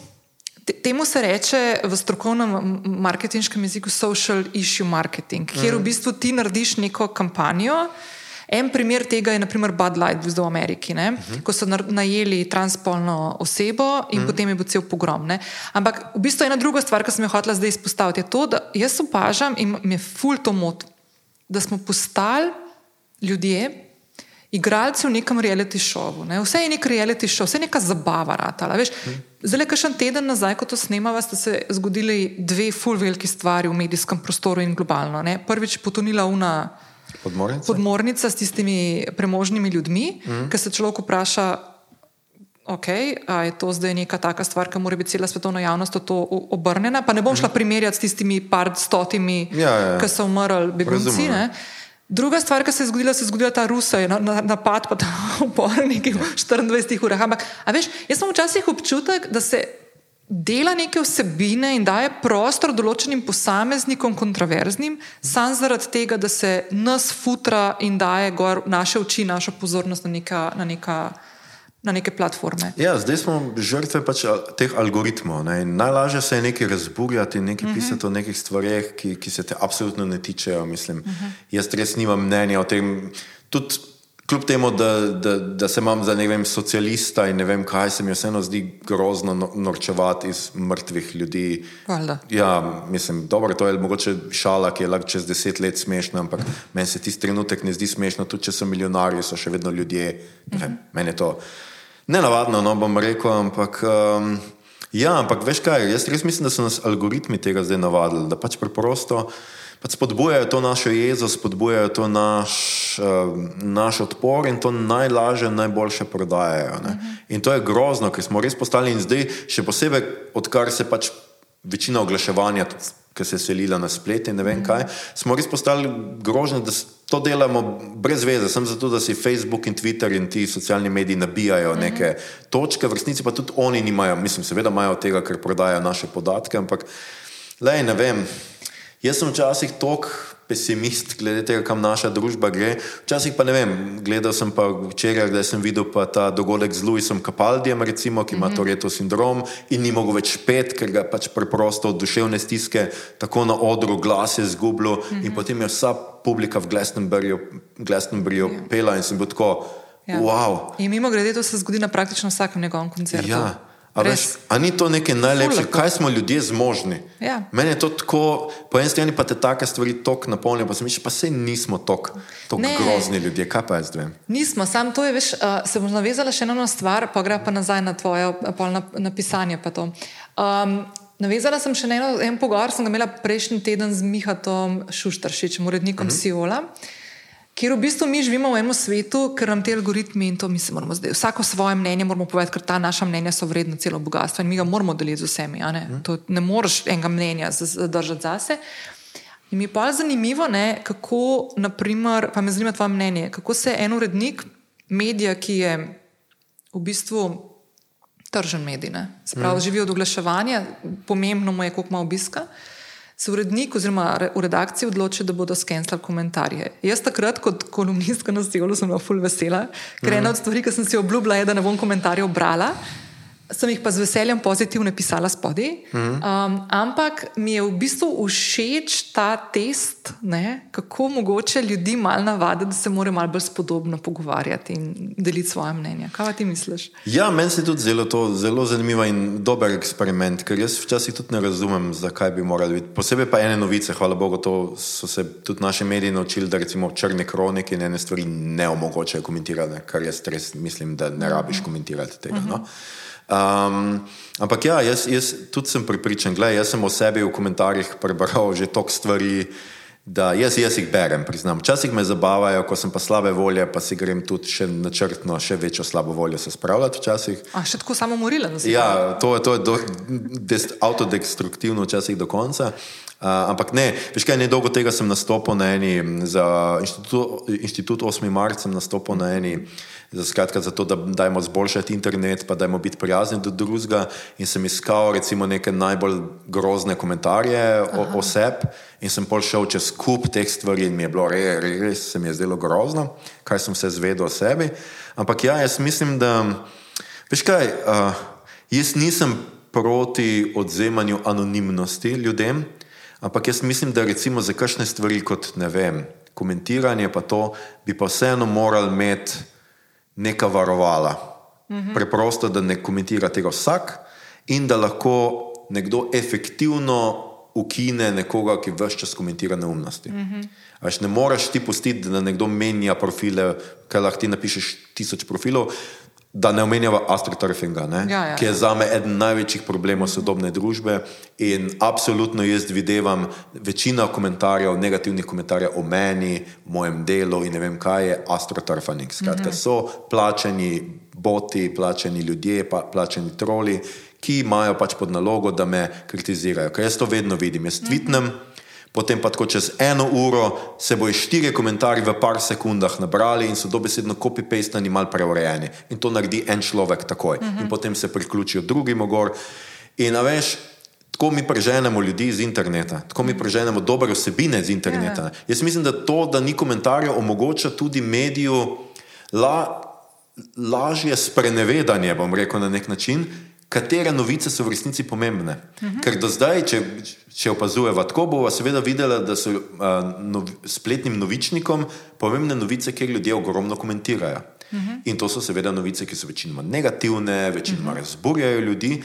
Jaz bi pa rad šel nazaj na tisto, ko se je uredništvo sedlo, pa se je reklo, to je pomembna novica, tale bo gore. In to izpostavljamo. Tako, to bomo izpostavili. Ja. Ne pa, da lovi klike. Ne, ja. ne ja. pa, da tako. Vse vsi vidimo, da ta klik fehtanje tega je ogromno. Ne, mm -hmm. nekdo, ta znani igralec je prevaral svojo ženo in potem kliknejo ljudje gore in je nek tretji razredni igralec, za katerega niso nikoli slišali. Mm -hmm. Ampak ja, jaz mislim, da to medijo omogoči neko spet to uredniško vlogo in jaz bi si tega želel več. Meni je bilo zelo žal, ko so začeli uh, tiskani mediji v strahu pred tem, da jih bo internet požrl. In ta strah, seveda, ni bil, ne, mislim, je bil legitimen, uh -huh. se je opazilo, padale so naklade, ampak njihov odgovor, nažalost, ni bil.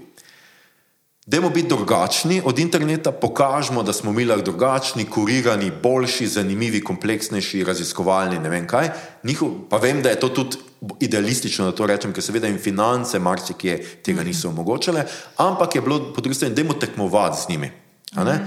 Jaz, recimo, ki berem kulturo, recimo v slovenskih, slovenskih časopisih, sem vedno totalno razočaran, ko naletim na članek, ki je prepisan z Guardiana, ker sem ga jaz tudi včeraj prebral, in je samo povzetek in malo spremenjeno. In jaz vem, da sicer ti kulturni novinari morajo narediti po pet člankov na, vem, na tri dni in da rabijo pač take stvari, da lažje pridejo skozi.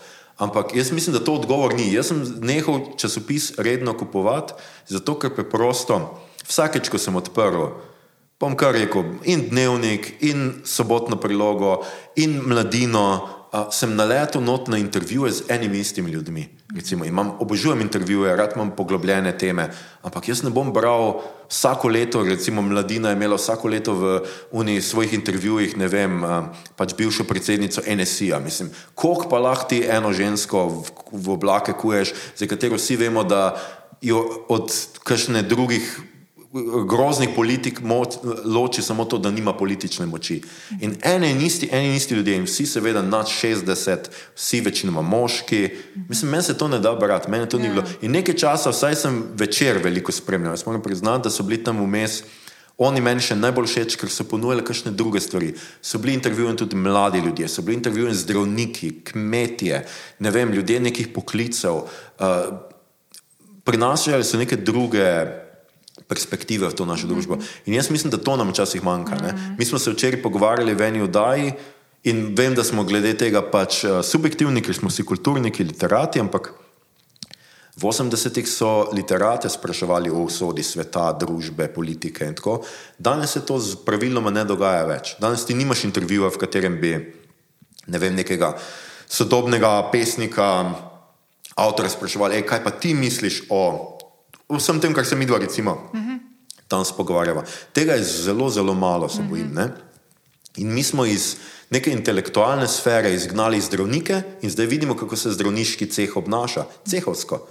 Ampak zdravniki so bili najprej ena prvih teh kast, ki so bili dobesedno pregnani kot intelektualci iz javnega prostora. Nikogar več ni zanimalo, kaj hoče nek zdravnik povedati.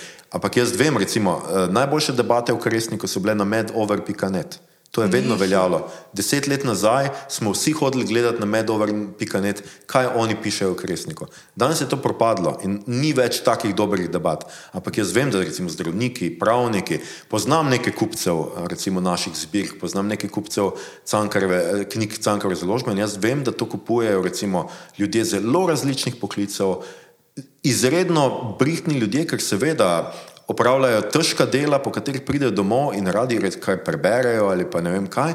In to so ljudje zelo razgledani, recimo na literaturo, ampak mi smo dobesedno te ljudi izgnali iz javnega prostora in zdaj se čudimo, ker se obnašajo tako, kot se obnašajo, pohlepno, brez empatije.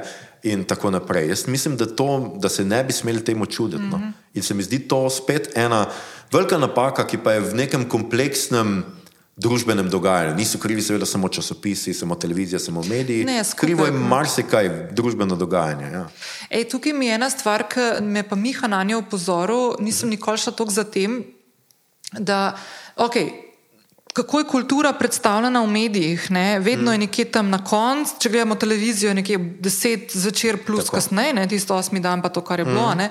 Ali pa naprimer na nekih teh tiskanih medijih je bilo vedno nekje tam zadnji, pa ena stran mogoče. Ne?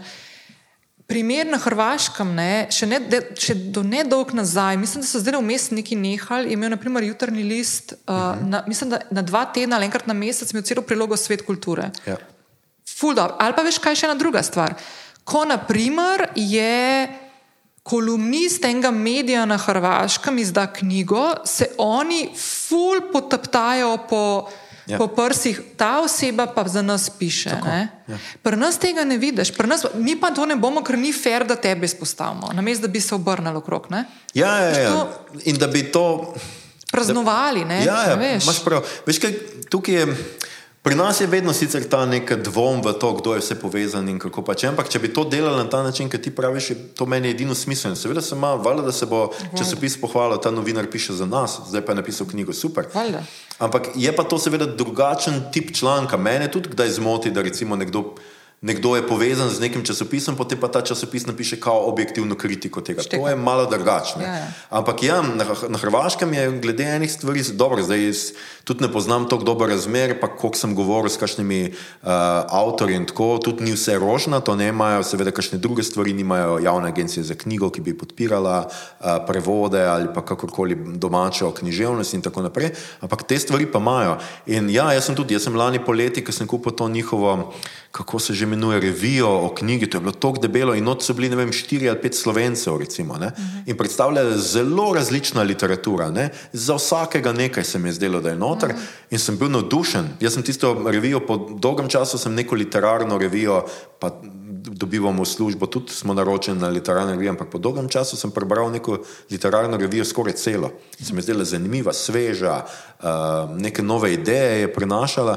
In ja, jaz mislim, da če se vrnem na prejšnjo debato, jaz mislim, da definitivno bi mogli slovenski časopisi iti nazaj k temu in reči: ne, mi bomo pa kupcem, našim bralcem dali nekaj drugega.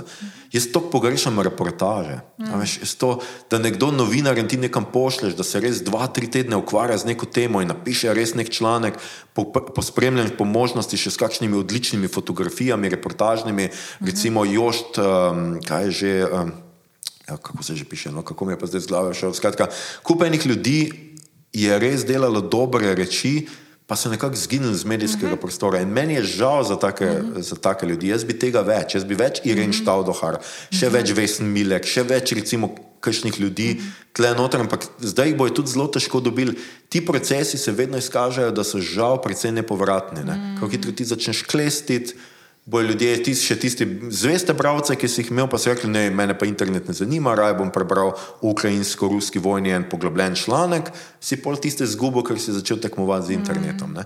In um, tudi založbe smo na tem leposlovne, da bi radi tekmovali vsi z temi nekimi pop knjigami, pa bi skušali biti vsem všeč pa izdali neke precej benigne, omledne stvari. Ampak jaz mislim, jaz si vse za cankar in dokler sem glavni urednik, ne želim tega in bom tudi usmeril stran od tega. In mislim, da mhm. definitivno tudi mi moramo paziti na to. In ne podcenjevati naših bralcev in kupcev, in jih imeti za inteligentne ljudi, ki se lahko sami odločijo in ki tudi še vedno iščejo poglobljena besedila v svetu. Mhm. Ej, kakšen dober mesec nazaj je bil v Sloveniji uh, en islandski pisatelj Šon. Uh -huh s katerimi smo bili na večerji. In jaz priznam, da Islandije ne poznam dobro, nisem še bila, ful si želim imeti, ampak na Islandiji ima eno, njih je okrog 350 tisoč, meni se zdi. Ja. Zakaj to zdaj omenjam? Ker meni se zdi, da bi mogli mi v Sloveniji od njih se učiti. Mhm.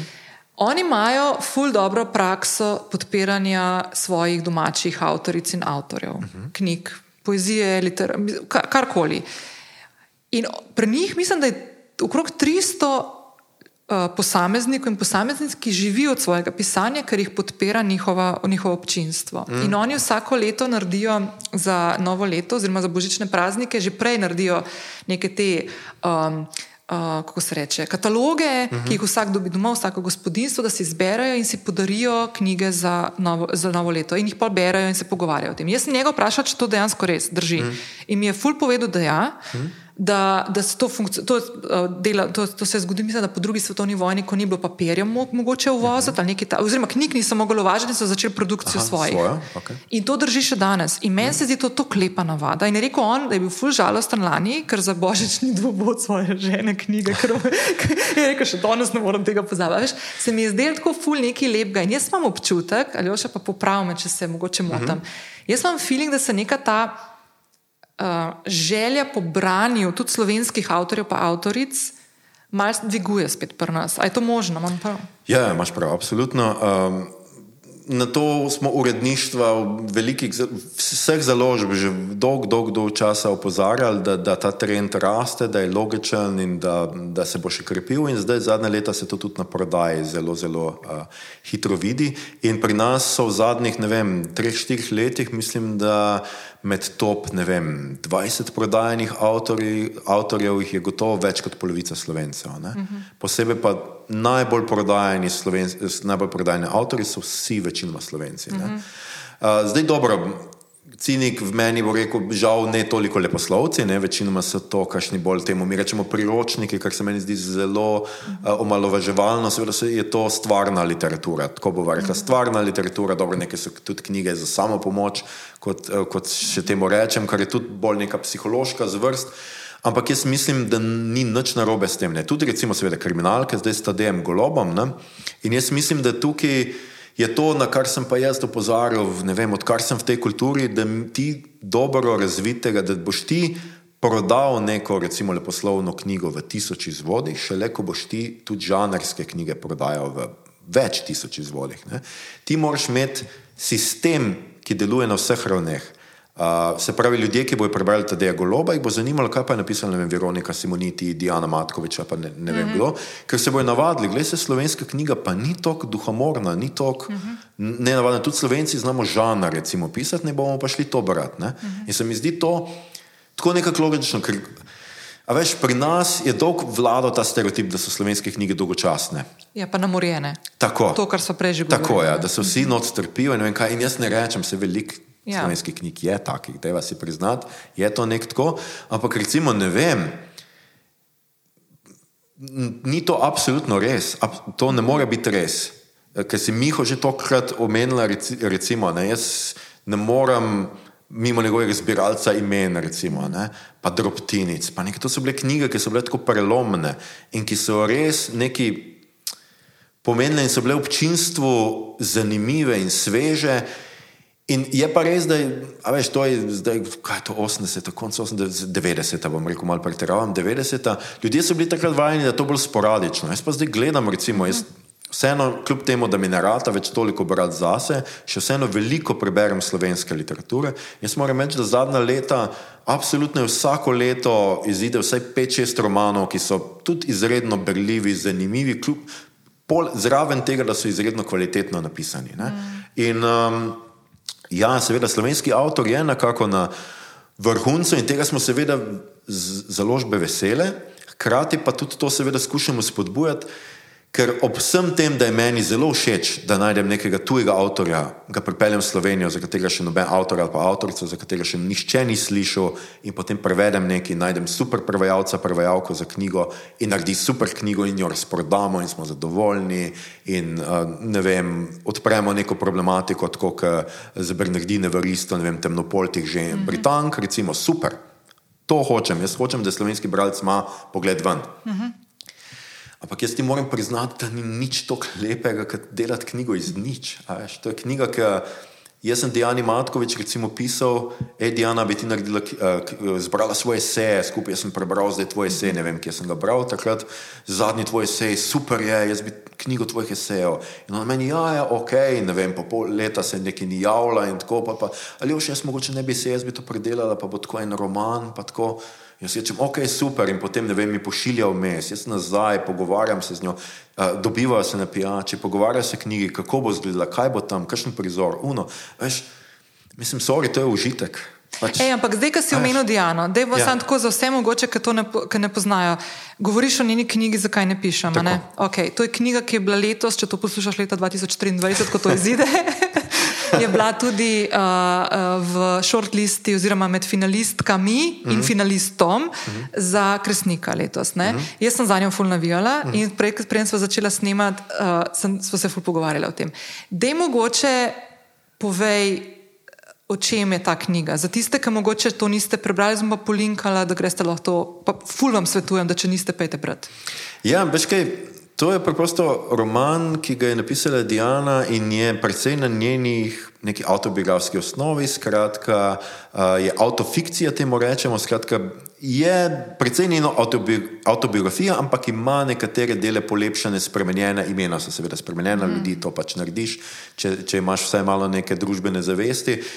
In pač govori prvič o njenem odraščanju v Sloveniji, o njenem, kar je bila kot otrok priselje, priseljencev, skratka, vse uvire, ki jih je doživela v svojem življenju in ki ji na nek način ta deprivilegiranost, ker seveda priseljenstvo ni toliko, ne gre toliko za nacionalno kategorijo, kot gre za razredno kategorijo. Skratka, ti si v nekem nižjem razredu, ali pa vsaj nižjem srednjem razredu, uh, si, si tja potisnjen. In potem, kako je to onemogoči pisanje skozi različne mehanizme, najprej seveda sistemskega odrivanja takih ljudi od tega, da bi imeli pravico sploh karkoli povedati, posebej o slovenščini, posebej o Sloveniji, slovenski družbi ta trenutek, pa do tega, da se tebi recimo da je za me, kar je meni odlično pri tej knjigi, ker pokaže tudi nekako to, kar jaz že dolgo verjamem, da je uh, revščina in deprivilegiranost tudi neke vrste psihološka reč. To ne pomeni, da, da si ti pretvaraš, ampak ima za sabo neke psihološke posledice na človeka. To, da tebe vem, obravnavajo tako, kot te obravnavajo, kot nekega priseljenca, kot nekoga, ki ne zna pravilno slovensko, ki, uh, ki je tukaj tujec, ki te obravnavajo kot nekoga, ki uh, ima ponošena, ponošena oblačila, ki se ne zna oblačiti, ki te odrivajo. To seveda vpliva na to, da imaš ti tudi različne anksioznosti, sindrom vsiljivca, recimo ena taka stvar, ker se ti, ko nekaj dosežeš, nikoli ne počutiš vrednega tega dosežka in tako naprej.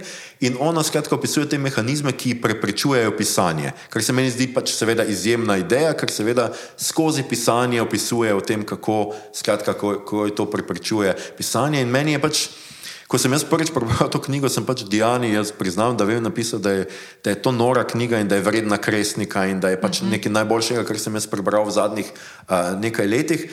In, in je res, dejansko res in tudi tako jaz bom pač odkrito povedal, pa nočem žaliti svojih avtorjev, sem imel vse svoje avtorje izredno rad, ampak veš, jaz sem na to knjigo izjemno ponosen. To je pač nekaj, kar jaz mislim, da ko bom enkrat končal uredniško kariero, bom med drugim to knjigo omenil kot nekaj, kar sem jaz dal slovenski literaturi, karkoli se to bedasto sliši.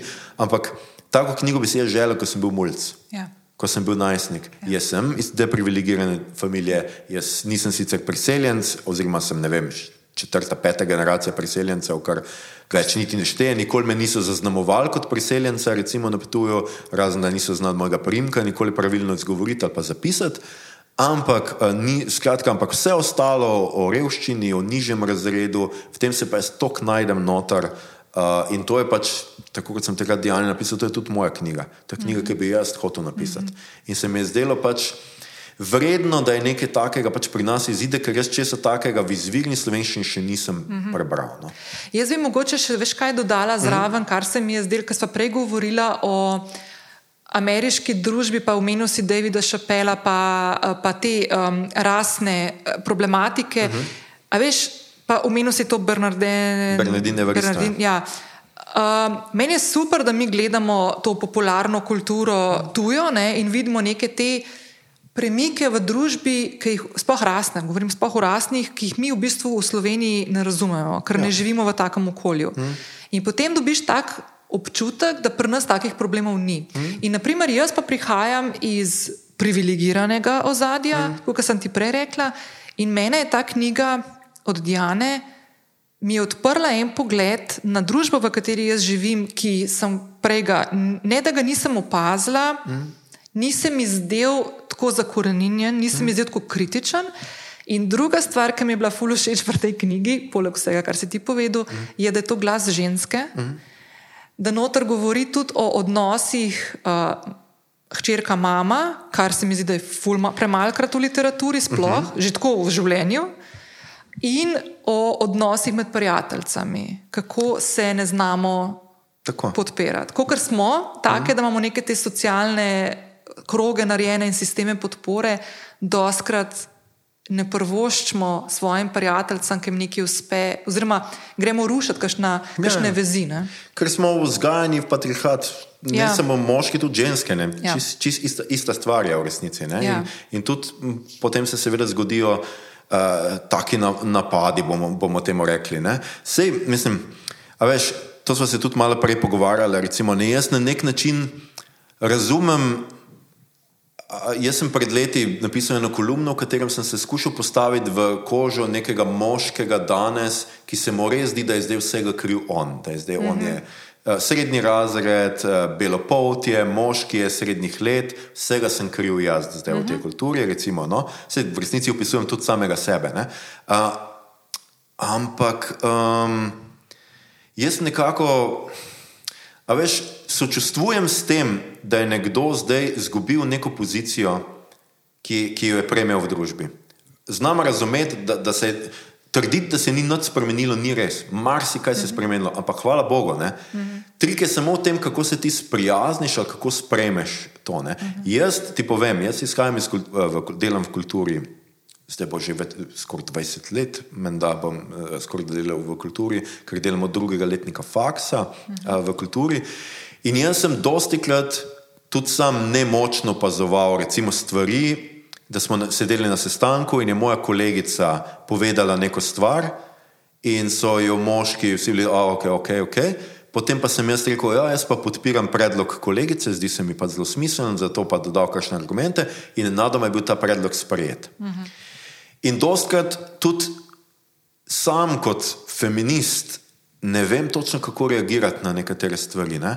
A, a, a je v redu, veš, In to so mm. taka vprašanja, ki si jih moramo zastavljati. Ali je v redu, da jaz na sestanku rečem, da pa čakajte, zdaj pa poslušajte, kaj bo kolegica rekla. Mm. In jaz kot moški spet interveniram in pokroviteljsko odprem ta, ta prostor. Ne?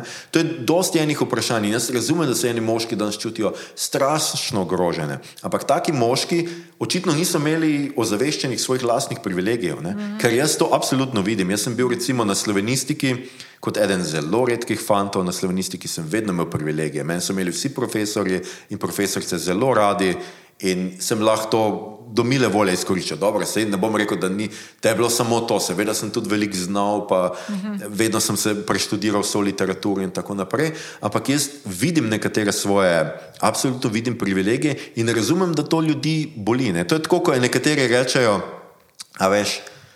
Uh, to večkrat slišimo, ne? da to, da, da se lahko, ne vem, dva geja, dve lezbiki poročita, ali pa to, da imamo zdaj več spolov, ali pa da so trans osebe, da to ničesar ne spremeni ne? Za, za nekoga, ki je straight, uh, cis, karkoli. Ne?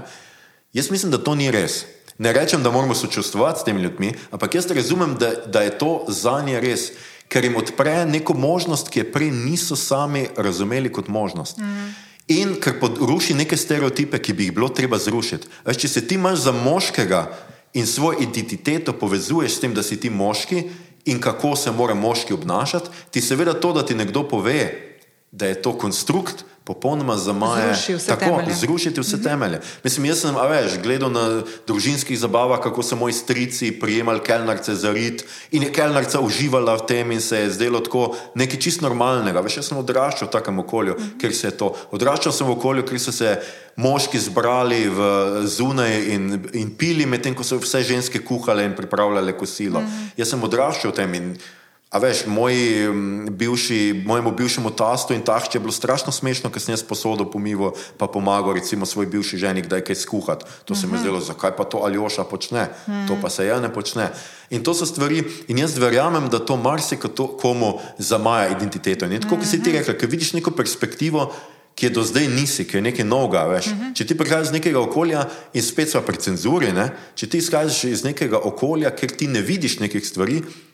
Lej, lahko, jaz čist verjamem, da jih ti ne moreš videti. Ne? Uh -huh. Je pa seveda neka tvoja družbena odgovornost, tudi če, še posebej, če hočeš imeti mnenje na Twitterjih in ne vem kje, uh -huh. da se izobraziš o nekih rečeh. Potem pa oprosti, ne moreš ti trditi, da pač noč ne veš o tem in da te no, to ne zanima. Ne? Uh -huh. In jaz bi rad kot urednik dajal glas, seveda tudi, ne vem.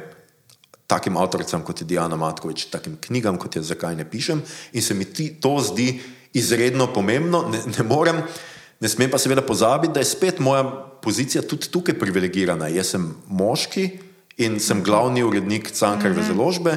Uh, hvala Bogu, imamo zdaj glavno urednico na, na mladinski knjigi, skratka, ker smo kot družbi povezani, tako da je malo neke dinamike in je malo razlike. Um, in je fino, da se pač tega zavedam, da jaz te stvari lahko odpiram, zato ker jih odpiram z privilegirane pozicije. Kaj se pa pol dogaja s temi rečmi, pa je seveda izven moje kontrole. Jaz sem zelo vesel, da so bralci in bralke zelo sprejeli, recimo, Dijanino knjigo. In um, definitivno je, kljub temu, da ni prejela Kresnika, velika uspešnica. Mm -hmm.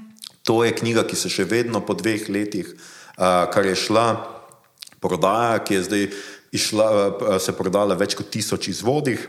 Mm -hmm. Kar je za, recimo, za to vrstno knjigo, jaz mislim, da zelo velik dosežek, hkrati da zdaj Diana, a, mogoče tega še ne bi smel povedati, ampak skratka ustvarja se nek scenarij, mm -hmm. razmišlja se v filmu, potem skratka, kaj je bila na Berlinalu in tako naprej.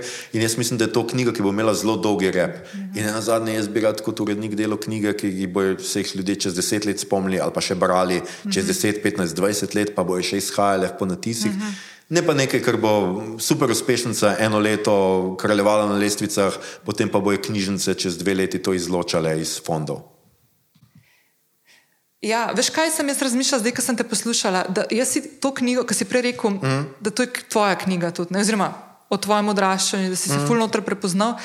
Jaz mislim, da ta knjiga, tudi če sem dve, dve leti nazaj šla, to je knjiga, ki bi jo mogli imeti naprimer, na maturi ali pa nekje tako, da bi res obravnavali v okoljih izobraževalnih in tako tako vsebino. No? Ja, čeprav se veš, ne, letos so imeli izjemno priložnost, imeli so na maturi uh, temo ženske na odru sveta, govorili so. Um, Imeli so drame, ki so odpirale res zelo zanimive teme o vlogi ženske v svetu skozi čas in v različnih družbah in Am, danes in tako naprej. Ampak kaj se je zgodilo? Jaz, jaz, jaz sem to opazila, pa videla sem tisto pismo ja, javno, tiste ja. maturantke. Ampak kaj se je sploh zgodilo? Veš kaj, da, da v resnici tudi jaz ne vem. Skratka, tema naslov maturitetnega sklopa je uh, mulce potiskal v eno temo in to je pač skratka fem, feminizem in mm kako odraža v literaturi, kako so ženski liki v literaturi, potem pa so jim dali pisati nekaj popolnoma drugega. Aha. Zakaj se je to zgodilo, ne vem. A so se ustrašili teme nekje na sredi, a se mi je zdelo, da bo dijakom pretežka ta tema.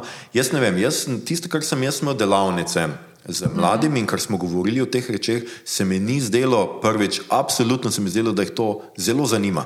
Uh -huh. To je bilo nekaj izredno. Govorili smo o Andrewu Tateu, govorili smo tako, kot sem rekel, jaz tudi o Greti, govorili smo o številnih pobudah, o redefiniciji kaznivega dejanja posilstva, o marsičem smo govorili, skratka na teh mojih predstavitvah, ampak jaz sem bil vse čas v fokusu da bo skratka to seveda tema ženski liki in smo se pogovarjali samo o tem. In še najbolj grozno mi je, ker me je dijakinja v Mariboru, mislim, da par mesecev pred maturo vprašala, a pa bojo res, a, a ste pripričani, da bo to tema mature. Sem jaz rekel, da seveda, vse to je vendarle naslov, Fuck. seveda bo to v, v maturi. In potem me je celo nekaj vprašala, kar je bilo pozneje uh, na maturi, pač nekaj o mestu, kako mesto vpliva, kako nekaj tako. In smo se tudi o tem mal pogovarjali. In ta dijakinja me je rešila, da so zdaj. Z te mariborske srednje šole celo nekaj izvedeli o tem, o čem so pozneje pisali. Ampak, gledaj, Je res, da zadnja leta se stvari premikajo. Jaz sem bil zelo vesel, da so se celo neke sodobne knjige končno znašle na maturitetnem uh -huh. bradnju, ko so brali Vojnovičevo Figo, recimo, uh -huh. no, ki se meni zdi njegov najboljši roman. Um, In uh, konje krast, recimo, so, so takrat delali še zraven tega. To se mi zdi velik napredek. Mm -hmm. Definitivno si jaz želim, da so dijaki uh, soočeni v času svojega um, izobraževanja na področju literature, jezika, tudi s sodobnimi deli. To je mm -hmm. vendarle neka, mislim, da neka osnova, ki ima in če ne prej, vsaj na maturi, da lahko uporabijo vso tisto znanje na nečem svežem, na, na kar se ne morejo zanašati, na ne vem, ja. realizem je to pa to, gro, uh, ekspresionizem je to pa to, ampak da jim daš neko popolnoma sveže delo, kjer morajo res tuhtati vsebini. To se mi zdi super. Ful dobr. Mm.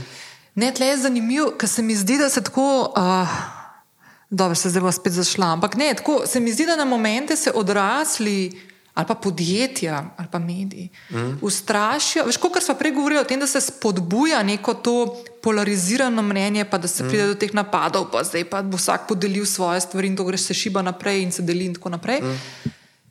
Pa se pa v enem momentu ustrašijo določenih tematik, naprimer transpolni je zdaj konkreten tak primer, mm. kjer v bistvu jaz sem slišala zdaj v Sloveniji za dva primera v zadnjem mesecu, kjer so se podjetja ob že sklenjenih dogovorih Aha. za sodelovanje s transpolnimi osebami, pa ne v marketinških kampanjah, ampak je šlo bolj za neko interno izobraževanje, kako se vključuje, Aha, če imajo take zaposlene v podjetju, mm. kako pristopiti z nekim občutkom do ljudi in odpirati bolj vključujoče uh, uh, uh, službeno okolje, so se potegnili nazaj, ker jih je strah, da bo to prišlo ven in da jih bo napadali. In tukaj se mi pa meni zdi, da tukaj sem pa jaz tako totalno brezkompromisna. Se mi zdi, da to absolutno je treba tega več, ne, ne, ne se umikati. Ne. Normalizirati je treba take Ja, stvari. Ne. jaz se včasih vprašam, a je, je, ta strah zelo, zelo upravičen. Uh, mogoče moji nadarjeni ne bojo najbolj veseli, ker, ker to razlagam, ampak recimo tudi moji nadarjeni so se večkrat strašili zaradi mojega tvitanja, tudi se je zaradi seveda mojega tvitanja večkrat so se pojavili neki pozivi k bojkotu Cankarjeve zložbe, bojkotu mladinske knjige, bojkotu knjigarn uh, mladinske knjige, ampak jaz Težko rečem, da smo kakorkoli opazili ta boj, bojkot uh -huh. v resnici. Uh -huh. Čeprav se zdi Twitter vse mogočen in se zdi, da je tam, če nekdo poziva in dobi vem, 500 lajkov in ne vem koliko retvitov, da je to zdaj že neko družbeno gibanje. Ne? Ja. Ampak jaz mislim, da nas to vedno opozarja na to, da to, da mi nekaj lajkamo. Uh, delimo, podpišemo na, na spletu, še nič ne pomeni, uh -huh. če ne gremo na ulice in zato uh -huh. zastavimo svojih teles. Uh -huh. In jaz mislim, da je tukaj tudi obratno. To, ne. Najla, najlažje je seveda neki uh, pljuvati po nekom, uh, pozivati k, um, uh, k bojkotu, medtem ko recimo um, kolega. Uh, optik, ki je, ki je bil eden izmed izpostavljenih med protesti, Marin med- Medak. Cik tako, uh -huh. uh, ki je, je bil tukaj izpostavljen, pove, da je dobil več strank potem. Med drugim tudi mene, recimo, tudi jaz sem Tudi z mene. veseljem. Ta, no, vidiš, Ja, ja, ja. tudi jaz sem takoj, ko sem menjal Ja. očala, sem rekel, grem k njemu in tudi zdaj, ko sem se športna, iskal sem šel takoj k njemu. In je vprašanje, ali res tak bojkot karkoli pomaga. Jaz mislim, da se Adidas recimo nikaj dosti sekiral za tiste, ki so s- ne- par slovencev rekli, da ne bo več nosilo Adidasa. Jaz mislim, da, da ni neke velike, uh, velikega strahu. Je pa ta strah se. Mm, Absolutno se skozi pojavlja. Ne? Ljudi je dejansko strah se izpostaviti, če tudi tako, kot smo se pogovarjali, če tudi ne mislijo tako kot tisti lajajoči in tako naprej. Um, se ljudi kar, kar, kar precej strah. Strah jih je za službe. Uh -huh. Jaz se pravim, ne vem, koliko krat se ta strah resnično udejani, ampak definitivno pa si predstavljam, da pa ni lahko. No? Da jaz, jaz lahko govorim, ker nimam otrok, nimam. Nihče ni odvisen od mene, se pravi, uh -huh. če jaz nekaj zafrknem, pa me vržejo službe, bom sam, bom sam jaz ja, ja, na srku. Uh -huh. ja, ampak težko pa si predstavljam, da nekdo res, ki ima vem, familijo in tako in se počuti odgovornega za nekoga, si ne more kratko privoščiti, da ga vržejo iz, -huh. iz neke službe zaradi nekaj tako neumnega, kot je tweet ali pa, ali pa ne vem kaj. Um, in se veš, to, to postaje tudi vedno večji del naše identitete, ne, ljudje pač gledamo. Jaz priznam, da vsakeč, ko nekoga novega spoznam ali pa, ne, ali pa mi nekdo reče neko ime, grem pogledat, kdo ta človek je, pogledam, kaj objavlja. Mi tako v službi, recimo, vsakeč, ko se nam. Ko imamo kakšnega novega sodelavca ali pa sodelavko, gremo pogledati, če je že kdaj delil, delila kaj v kakšnih knjigah, če ja. se kakšne objave, da vidimo, kaj bere, da vidimo, kam paše noter. To se nam zdi uh mhm. -huh. pač kar pomembno. In to podjetja vedno bolj tudi počnejo. Ja. In zelo hitro take informacije dobiš ven. Greš Tako. lahko sam par objav, pogled, ja. ali, pa, ali pa kaj nekdo lajka. Še. Vsaka tvoja aktivnost, na, če se ti zdi, da ni, ne, ja. z ja. vsako ja. sporočaš svoje neko mnenje in neko pozicijo. Ne. Ja, in jaz imam to srečo ali pa nesrečo, da na kulturi ni veliko uh, od, odprtih delovnih mest. Je to je recimo, jaz se ne hecam za tiste, ki mislijo, jaz sem skratka predtem delal skoraj deset let v kulturi, preden sem prišel na Cankar v založbo To na Cakovi izložbi je bila prva redna zaposlitev v kulturi, na katero sem se jaz lahko prijavil. Predtem ni bilo niti ene za moj profil, recimo, ne, uh -huh. za mhm. urednika. Recimo. Uh -huh. Nisem imel. In tudi večina mojih kolegov, razen pri štirih, petih založbah, so delali pogodbeno, so prekarci, so SP, niso redno zaposleni tako kot jaz. Jaz uh -huh. sem mhm. absolutno tukaj v nekem pri, pri, privilegirani uh, poziciji. Ne. In um, ja, gledaj. Svet je zelo zapleten, zelo kompleksen, ampak jaz, jaz vseeno mislim, da dostkrat pa nas je strah, če se nas res ne bi bilo treba ja. strah. No. Ej, prej si, ko smo se pogovarjali o slovenskih avtoricah in avtorjih, pa si omenil par teh, zdaj, ki so ful popularni ali to žanrsko, mm. si omenil tudi goloba, no pa ne vem, meri na svetek tudi, mm. pa, ali pa naprimer uh, nek te psihološko samo pomoč. Mm. Tle imate, naprimer, Sicankareva založba iznotraj mladinske knjige, Tako, se pravi, imate tukaj in Aljošo Bagolo in Davida mm. Zupančiča in fulz enih drugih. Um, tako ustvarja se nek tak, mogoče bi popravil, če se na robe delam, mm. ampak ustvarja se en tak um, občutek, da lahko danes knjigo napiše in izda pri založbi že kar skoraj vsak. vsak. Zdaj mi pa povej, če to drži. Oziroma, mogoče še pod vprašanje, uh mhm. -huh. ki je bolj pomembno od tega vpraša vprašanja, kaj moraš imeti, uh mhm. -huh. da sploh prideš do tega, da se z nekim urednikom, kot si ti na založbi, resni založbi, pogovarjaš o izdaji mhm. knjige. Ja, to je zelo dobro vprašanje. Jaz mislim, da veliko ljudi, ki so mi kdaj kaj poslali, lahko povejo, da to ni res. Ne mora vsak priti do, do knjige. Jaz mislim, da to. Uh, Ni res, je pa res, da je slovenski trg dovolj širok in da izdamo veliko količino knjig, glede na to, kako majhna nacija, majhen jezik v resnici smo, da zelo veliko ljudi pride do knjig, pa tudi ne bi rabili. Iskreno ti jaz povem, da jaz dosti krat zavrnem kakšen rokopis, izide pri kakšni drugi založbi, ne da bi jaz videl karkoli uredniškega popravljenega. Je pa tudi res, da je kakšen od teh zavrnjenih rokopisov bil med peterico za kresnika, ki sem ga jaz pa zavrnil, pa se mi je tudi zdelo, še vedno nisem razumel, zakaj je tam sicer, ampak, gledaj pustiva kakšne take malenkosti. Zdaj pa kako priti do založbe? Jaz mislim, da je tukaj še vedno mm, zelo demokratično v tem smislu, da jaz imam precej svojega programa na javnih sredstvih, nas podpira javna agencija za knjigo in jaz tukaj absolutno ne, nimam nobenih subjektivnih preferenc čez to, da seveda jaz verjamem, da seveda je vedno moja preferenca subjektivna, ker pač presojam človeško mm -hmm. kot, uh, kot bralec, ampak pač uh, jaz preberem vsak rokopis, ki ga dobim.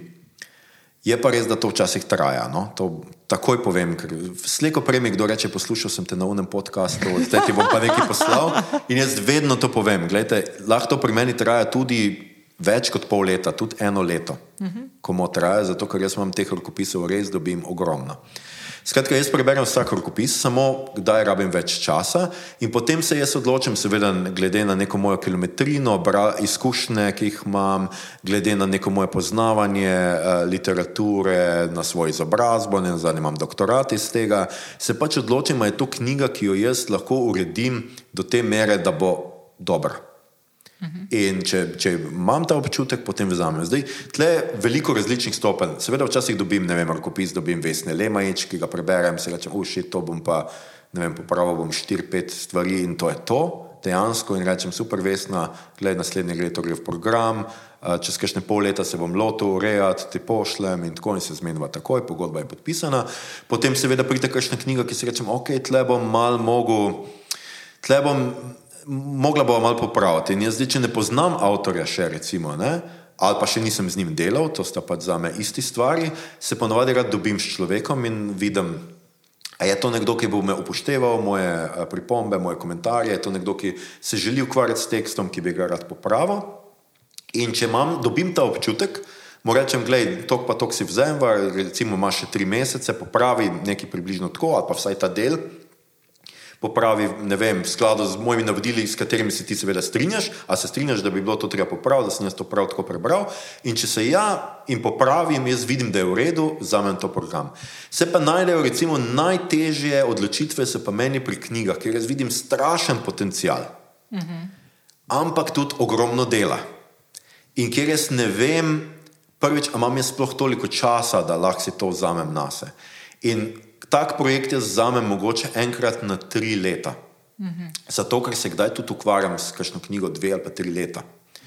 In uh, to pač pomeni, da takrat jaz človeku rečem: Glej, zdaj pa tako, to je ogromno enega dela. Meni, recimo, ni všeč noben dialog v tvojem romanu. Vsi dialogi so slabi, so umetni, ne znaš pisati dialogov. Tako pa tako bova naredila. Na glas jih povej, gledaj to, preberi to knjigo, kako on piše dialoge. Skušaj malo pogovorni jezik fingirati, recimo, ne vem, kakšne take stvari. To in potem jaz pač vidim naslednjo verzijo, ki popravi in še vedno lahko rečem, gledaj, sorry.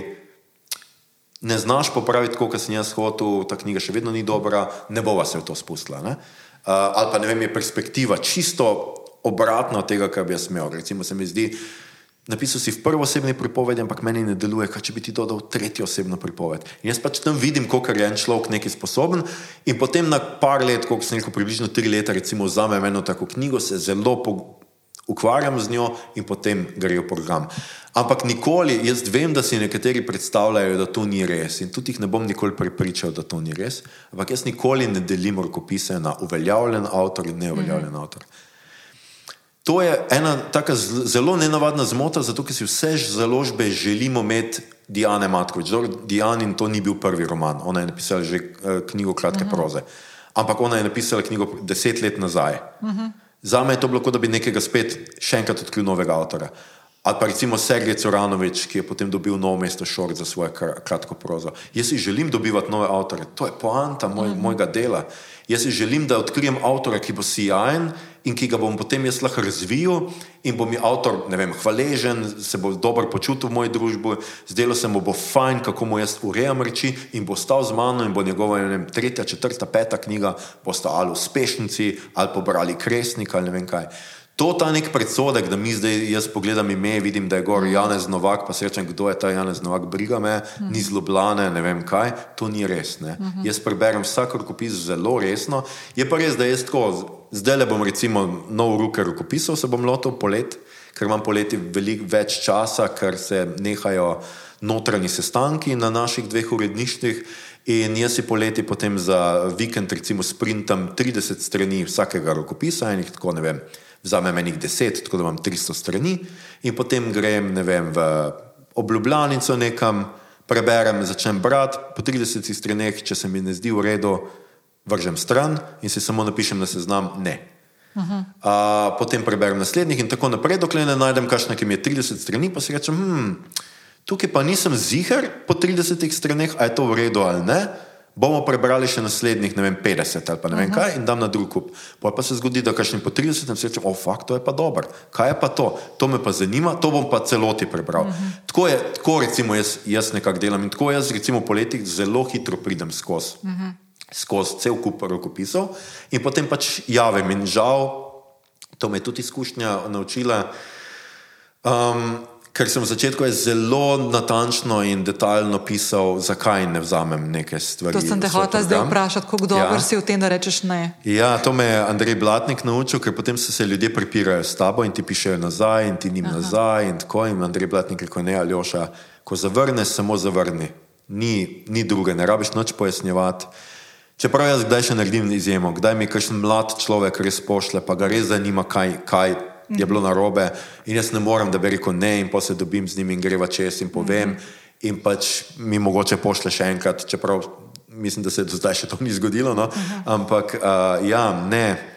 Jaz veš, kaj jaz naredim, uh, strahopetec sem, priznam in tu vem, da to ljudi, a veš, Jaz si predstavljam, da, da ljudje ne pošljajo kar tako na uredništvo, dobro, kakšen že, ampak nekateri so res vložili kar nekaj cajta v to. Veš, jaz dobim včasih, ne vem, Word file za 600 stranmi, recimo, ne, na 11, pa brez ena pa pol presledka. Ne.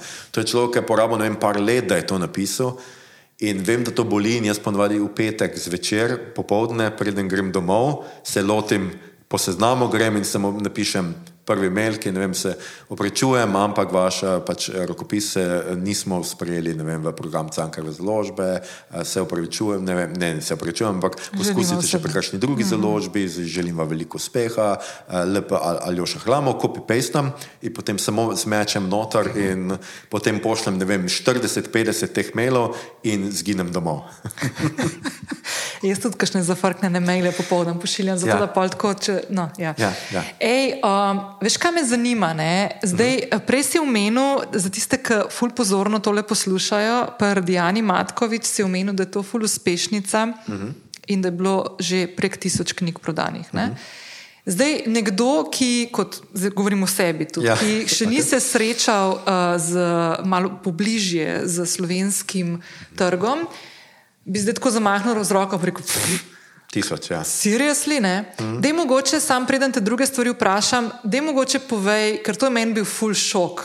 Ne? Kakšna je tako, povpre, ne vem, če povprečna naklada ali pa, ali pa mogoče kdaj ti kot urednik, koliko more, ne vem, imeti ene prodanih izvodov, ne naklada, mm. prodanih izvodov, da rečeš, o, to je pa že uspešnica. Jaz rečem, da je uspešnica v vsaki knjigi, ki pri nas izide po natisu. -huh. Preprosto, poprečna, um, poprečen ponac je 500 izvodov, nekje. Uh -huh. Zdaj, če bi primerjali, recimo, pesniška zbirka ima 300 uh -huh. uh, izvodov, vsaka proza 500, to je, to je tudi minimalno po Jakovih pravilih. In od tega se, recimo, jaz, bi tako rekel, poprečno proda 250, se pravi, pol naklade, recimo, ali pa 300. Uh -huh. um, zdaj. Um, Mi sicer ugotavljamo, da v zadnjih nekaj letih, vsaj za Cankarove založbo lahko povem, da mi v nekaj letih, tistih petih, šestih, večinoma prodamo so naklado nekako, ampak to so potem različne znižanja in tako naprej.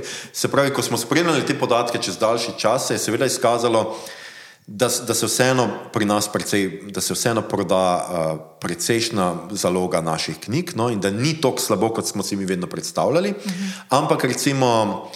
Knjige, ki se prvo leto se gotovo ne uh, prodajo, poprečno se tam 200 pa nekaj uh, uh -huh. prodajo. In jaz, ko rečem, da se je prodalo, recimo Diana Matkovič, že več kot tisoč izvodov, skoraj gotovostjo lahko rečem, da je to še približno, še enkrat toliko, kot se je prodalo, uh, no, če tino izločim, še seveda ostalih treh kresniških uh, finalistov skupaj. Uh -huh. Pač to si drznem priznati, zato ker preprosto Diana je za nas že pač prodajna uspešnost. Uh -huh. Tudi od Tine vrščaj se je čez 850, uh -huh. recimo. Ne? In to so za nas uspešnice. Ja. In uh, ta neka prodajna naklada se povečuje. Jaz sem pač ponosen na to, zato tega ne skrivam, ker se povečuje, odkar sem jaz glavni urednik. Uh -huh. In zdaj ne pripisujem jaz tega samo svojemu dobremu delu, jaz pripisujem to tudi temu, kar smo se prej pogovarjali, da se je zanimanje za slovenske avtore zelo povečalo.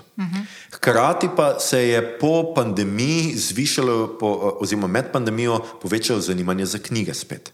In to zanimanje še vedno nekako drži. Lansko leto so sicer pomagali boni, ki jih je vlada razdelila in so zelo vplivali na prodajo, ampak jaz mislim, da tudi letošnje prodajne številke zaenkrat še ne kažejo takega opada. Upad je bil nekaj mesecev nazaj, ko se je veliko govorilo o krizi.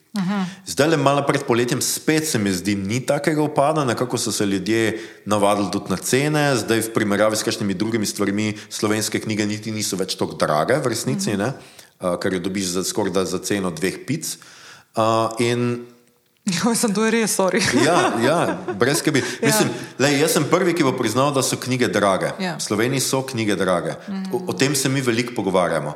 Je pa pač res, da na dvomilijonskem trgu, dokler knjige še, če bi mi imeli vsako leto, tako kot lansko, bi se knjige v nekaj letih pocenile. Mm -hmm. Jaz to drznem si to zatrditi, da tok da tako grabežljiva ni nobena slovenska založba, da ne bi ob taki prodaji, kot je bila lanska, ker je bila res izjemna prodaja v letu, da ne bi znež, znižala cen knjig in skušala pridobiti še več kupcev uh -huh. za posamezne knjige. Ampak trenutno, pač ob cenah papirja, ki so šle uh -huh. po uh, pandemiji v nebo, so pač nekatere knjige draže, ker si jih težko drugače privoščimo. Uh -huh. Jaz mislim, da se tudi poprečen bralec ne zaveda, koliko dela in denarja je vloženega v posamezno uh -huh. knjigo. Vsi si mislijo, tisk, tisk je pocen, to se strinjam, tisk je danes računalniški, uh -huh. ful bolj preprost, ampak ure, ki jih vloži v to nek resen urednik, resen prevajalec, resen avtor, resen oblikovalec, uh -huh. uh, ilustrator, uh, ne vem kdo vse, marketinger, PR-ovec.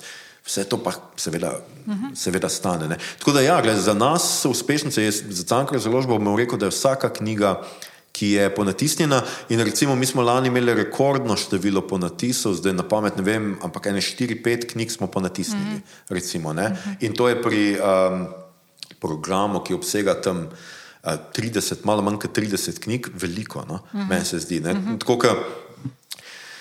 Pač spet, zdaj je tukaj malo reklame, ampak jaz sem na take stvari, jaz mislim, da upravičeno ponosen. Pri nas so lani šli kaj, štirje, trije, štirje romani, od tega smo imeli dva v peterici za kresnika. Pač mi, smo, mi smo po vseh standardih sicer srednja slovenska založba, 30 knjig je že dovolj, da si rečemo, da smo srednja. Nismo mehna, smo srednja uh, založba, ampak v resnici to ni tako velik. Ne? 30 knjig in od tega imamo mi tudi kakšno komercialno, eno ali pa dve, zaradi katere, katere pač dobivamo za naše plače. Mm. Vseeno se je treba zavedati, da, ja, da poprečno veš, na vsako Dijanino knjigo, ki se proda tisoč izvodov, pa pride pesniška zbirka, s katero imamo trenutno zgubo. Mm. Kljub temu, da je jak podpre z 70 odstotki stroškov poravna jak, tistih 30 odstotkov, ki jih mi vložimo v pesniško zbirko, se ne povrne. Se ne povrne. Mm kar je grozljivo, ampak recimo, kakšne pesniške zbirke se pa proda poprečno stopa nekaj izvodov. In mm. potem, ko greš štet, jaz sem to celo enkrat naredil, ker sem mazohist, koliko knjižnice kupijo, ugotoviš, da ne vem, individualnih kupcev kupi, ne vem, 20, 30. In to včasih nagrajeno pesniško zbirko. Ne? Eno leto vem, da je nekdo pisal članek, da, da je tisto pesniško zbirko, ki je tisto leto dobila, ne vem, eno izmed velikih uh, pesniških nagrad je tako dobesedno so imeli v 50 slovenskih knjižnicah. Se pa niti knjižnice več ne kupujejo. In mi se trenutno imamo največji problem uh, ravno s poezijo, mm. uh, ker izhaja že bolj ali manj gverilsko. Nihče velike založbe, tudi mi se otepamo poezije. Jaz, mi izdamo eno ali pa dve pesniški zbirki letno, več kot ovo ne, ker imamo s tem samo zgubo. Ker se vsak poprečen, tudi na silo zmetan skupaj slovenski roman, proda dvakrat več kot mm. recimo pesniška zbirka. Ja, grozljivo. Um, zdaj, če kdo to posluša, pa ga še ni odvrnil, mm. da bi izdal knjigo. Um, veš, kaj me zanima? Prej si omenil, uh, kako greš rokopise brati. Mm -hmm. Pa mhm. me ena stvar zanima. Zdaj, nekdo, ki naprimer. Ne vem, če bi šla s tabo zdaj to, da imaš ti neko idejo in zdaj kako se sploh lotiti te knjige. Mogoče bom pol tebe to malka, kar si rekel, da boš doktorat dajal, oziroma si ga mm. že mhm. začel.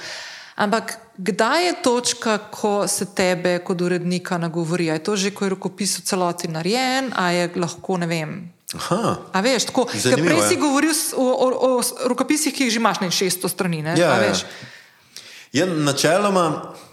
Načeloma, večinoma uh, za celotnim rokopisom. Ja. Jaz tudi rad vidim celotno delo, če, če me seveda, tako kot sem rekel, pritegne prvih 30 strani, če že vidim po prvih 30 straneh, da je to avtor, ki ne zna niti dobro pisati, ne zna dobro formulirati stavkov, ne zna narediti prizora, ne zna zgraditi napetosti, ne zna marsikaj česa, potem obupam, ampak načeloma Ja, bi hotel imeti celotno rokopis.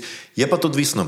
Zdaj, uvelja... Tu pa je recimo razlika med uveljavljenimi in neuveljavljenimi. Zdaj, jaz pač, sorry, ne morem jaz zdaj vedeti, a se bo meni splačalo vlagati v to, da bom zdaj hodil s tabo na pijačo, pa, ja. ali pa da boš ti meni vsak teden poslal novo poglavje. To pač malo težko -huh. z nekim neuveljavljenim. Ampak z uveljavljenimi pa je dostkrat tako, da recimo, tako kot sem jaz Diani, recimo naročil knjigo. Jaz sem pač ne rekel, sicer uh -huh. sem pač mislil, da bo to zbirka esejev. Tako jaz dostkrat nagovorim kakšnega človeka, pa mu rečem, hej, ti pa ta uh -huh. tema mi je bila pa zelo zanimiva, jaz bi imel knjigo o tem, bi, bi ti Aha. napisal to knjigo. In potem pa ja, potem pa se dostkrat zgodi, recimo tako smo tudi s Slavkom Jeričem delali, zdaj le, ker uh -huh. delava na knjigi Statistika za začetnika, recimo, ker se meni zdela tak fin priročnik, ker dostkrat ugotavljam, ker sem med pandemijo ugotovil, da a, a, uporabljajo iste grafe za to, da nas strašijo pred virusom in za to, da nas pomirajo, kako ta virus ni nič posebnega, sem se jaz med pandemijo rekel, mater, ampak nekdo, ki ne pozna niti osnov statistike, ga to zna zelo zmest. In sem Slavka Jeriča poklical ali pisal ali kakorkoli že, ali sem, ko sem ga videl, sem rekel, Slavka, bi ti napisal nekaj si statistik, Da bi ti napisal nekaj, da bi ljudje lažje prepoznavali napake, kako se statistiko zlorablja, manipulacije, pa neke osnovne statistične zakonitosti in pojme. In potem mi je on poslal prvih nekaj uh, poglavij, jaz sem tisto prebral, sem rekel, Slavko, super je, tako nadaljuj. In potem smo se pač tako, recimo, pogovarjali vmes.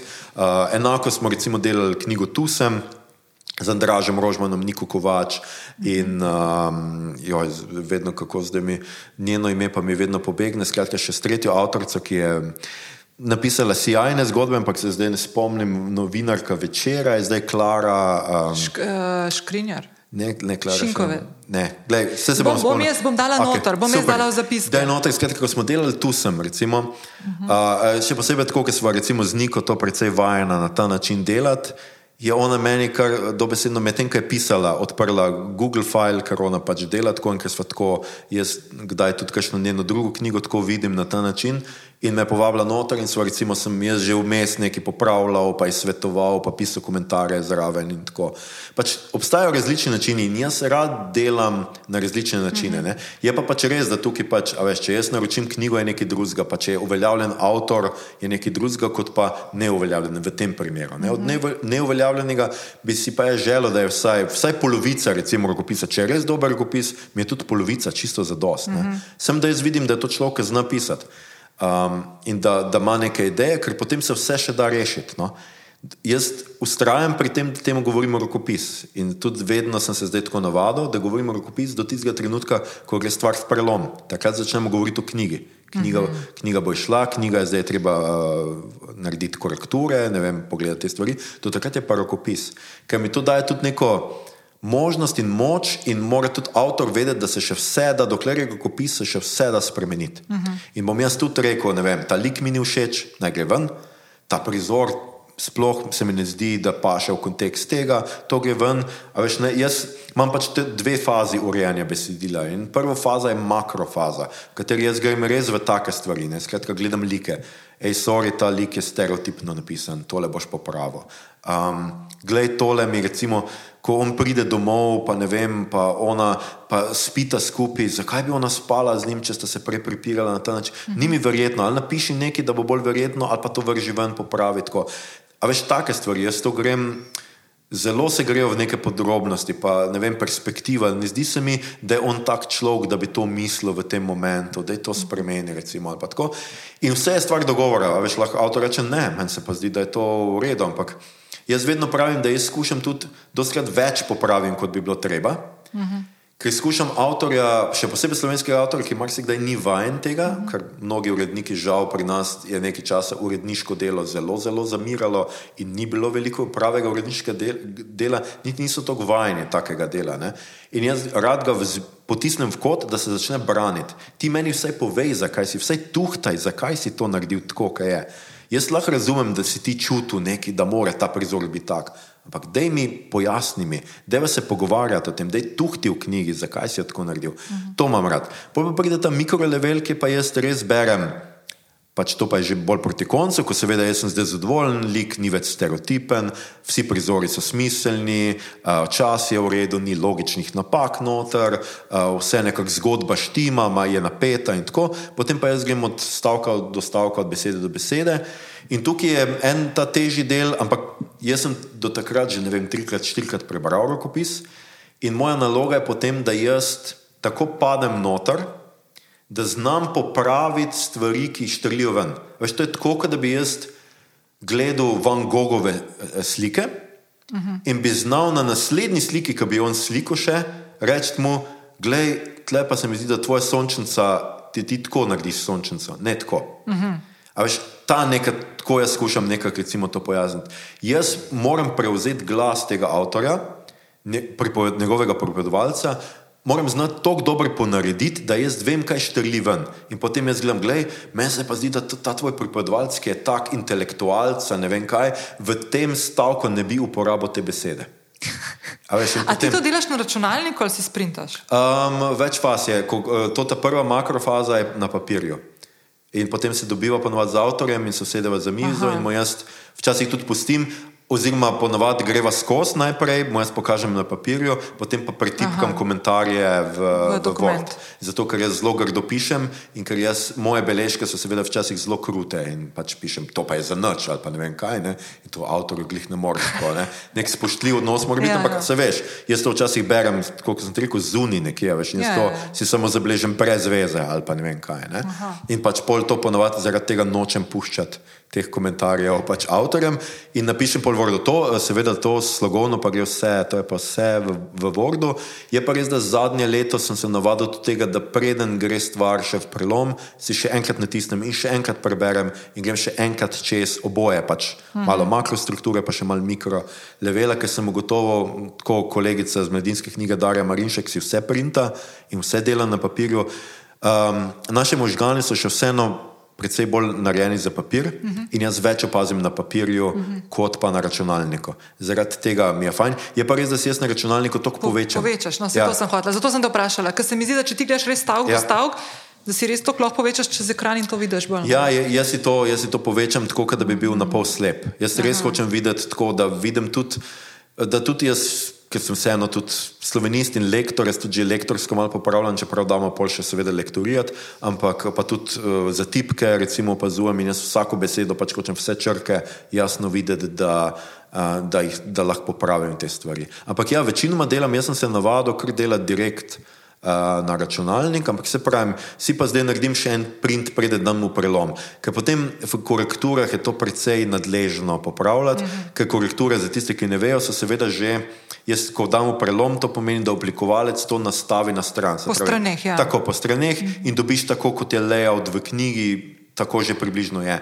In če ti tam pre, pretirano posegaš noter, podiraš, spet še popravljaš. Je to še enkrat cel del za ja, tega? Ja, je treba ja, še enkrat vse pregledati. Ja, ja. In pač. Mm -hmm take stvari, ki jih bralci niti ne opazijo, da recimo mi pazimo, kako se besede delijo, da se ne delijo v trikrat zapored v, v, stav, v stavkih, ja, na koncu strani, da se na koncu strani ne delijo besede, da na začetku ni samo ena, en, ena vrstica prvega, zadnjega odstavka z prejšnje strani in da na, um, se pravi, da na koncu ni samo uh, en, ena, en stavek za, zadnjega odstavka. Take stvari, to so Aha. vse pazi ne? in to je vse to je eno nekega natančnega dela in če boš ti zdaj to posegel, se to skozi nekaj spremenja, podira. Če pa imaš še kakšne fotke noter ali pa grafe ali pa kaj je pač čista groza. Ne? Tako da jaz skušam tudi oblikovalcev nekako se prilagoditi in mu dati res, res zadnji izdelek, čeprav seveda potem avtor ima pravico še vse spremeniti. Ne? Se nam je zgodilo tudi, že, da smo imeli naslovnico, pa vse pa smo naslov spremenjali. Aha, okay. Pa smo še vnuk pošiljali, ker smo cip že naročili in smo mogli popraviti in menjati naslov, ker se je pač mm. pač avtor in nadoma zdelo, da pač tisti prejšnji. Ni bil dober, in jaz mm -hmm. tudi mislim, da res ni bil dober, in da smo, smo našli boljšo rešitev. Mm -hmm. Tako da, ja, gledaj, Tle je velikega dela, ki ga tudi jaz nisem poznal, preden, preden sem postal urednik, ampak meni je to velik užitek. No. Jaz se rad delam z izvirnimi avtorji, rad delam nove stvari, ker je to nekako, mislim, čar tega joba. No. Pravim, pač, mislim, vsi smo, ne vem, koliko 30 držav jezikov je prevedlo Bernardine v Risto. In je super knjiga in jaz še vedno pravim, da je to nekaj nujno, kar mora biti v slovenščini obstajati. Ampak narediti neko izvirno slovensko knjigo, še posebej pa pol to prodati v tujino, recimo pa jo kupijo še kje druge, Ivano, um, Veroniko Simoniti, Ivano pred morem smo recimo prodali ne vem v koliko jezikov, med drugim v italijanščini se lahko bere, pa mislim, da tudi v makedonščini, v hrvaščini uh, in tako naprej. Je, seveda tudi to je nek užitek, ampak jaz imam rad to, da pač delaš nekaj in da, da delaš od začetka in da si zelo povezan in jaz vedno pač malo grdo, grobo rečem, da so to moje knjige. Ne? Pač nisem jih jaz napisal, absolutno ne. Jaz sem tudi tisti, ki.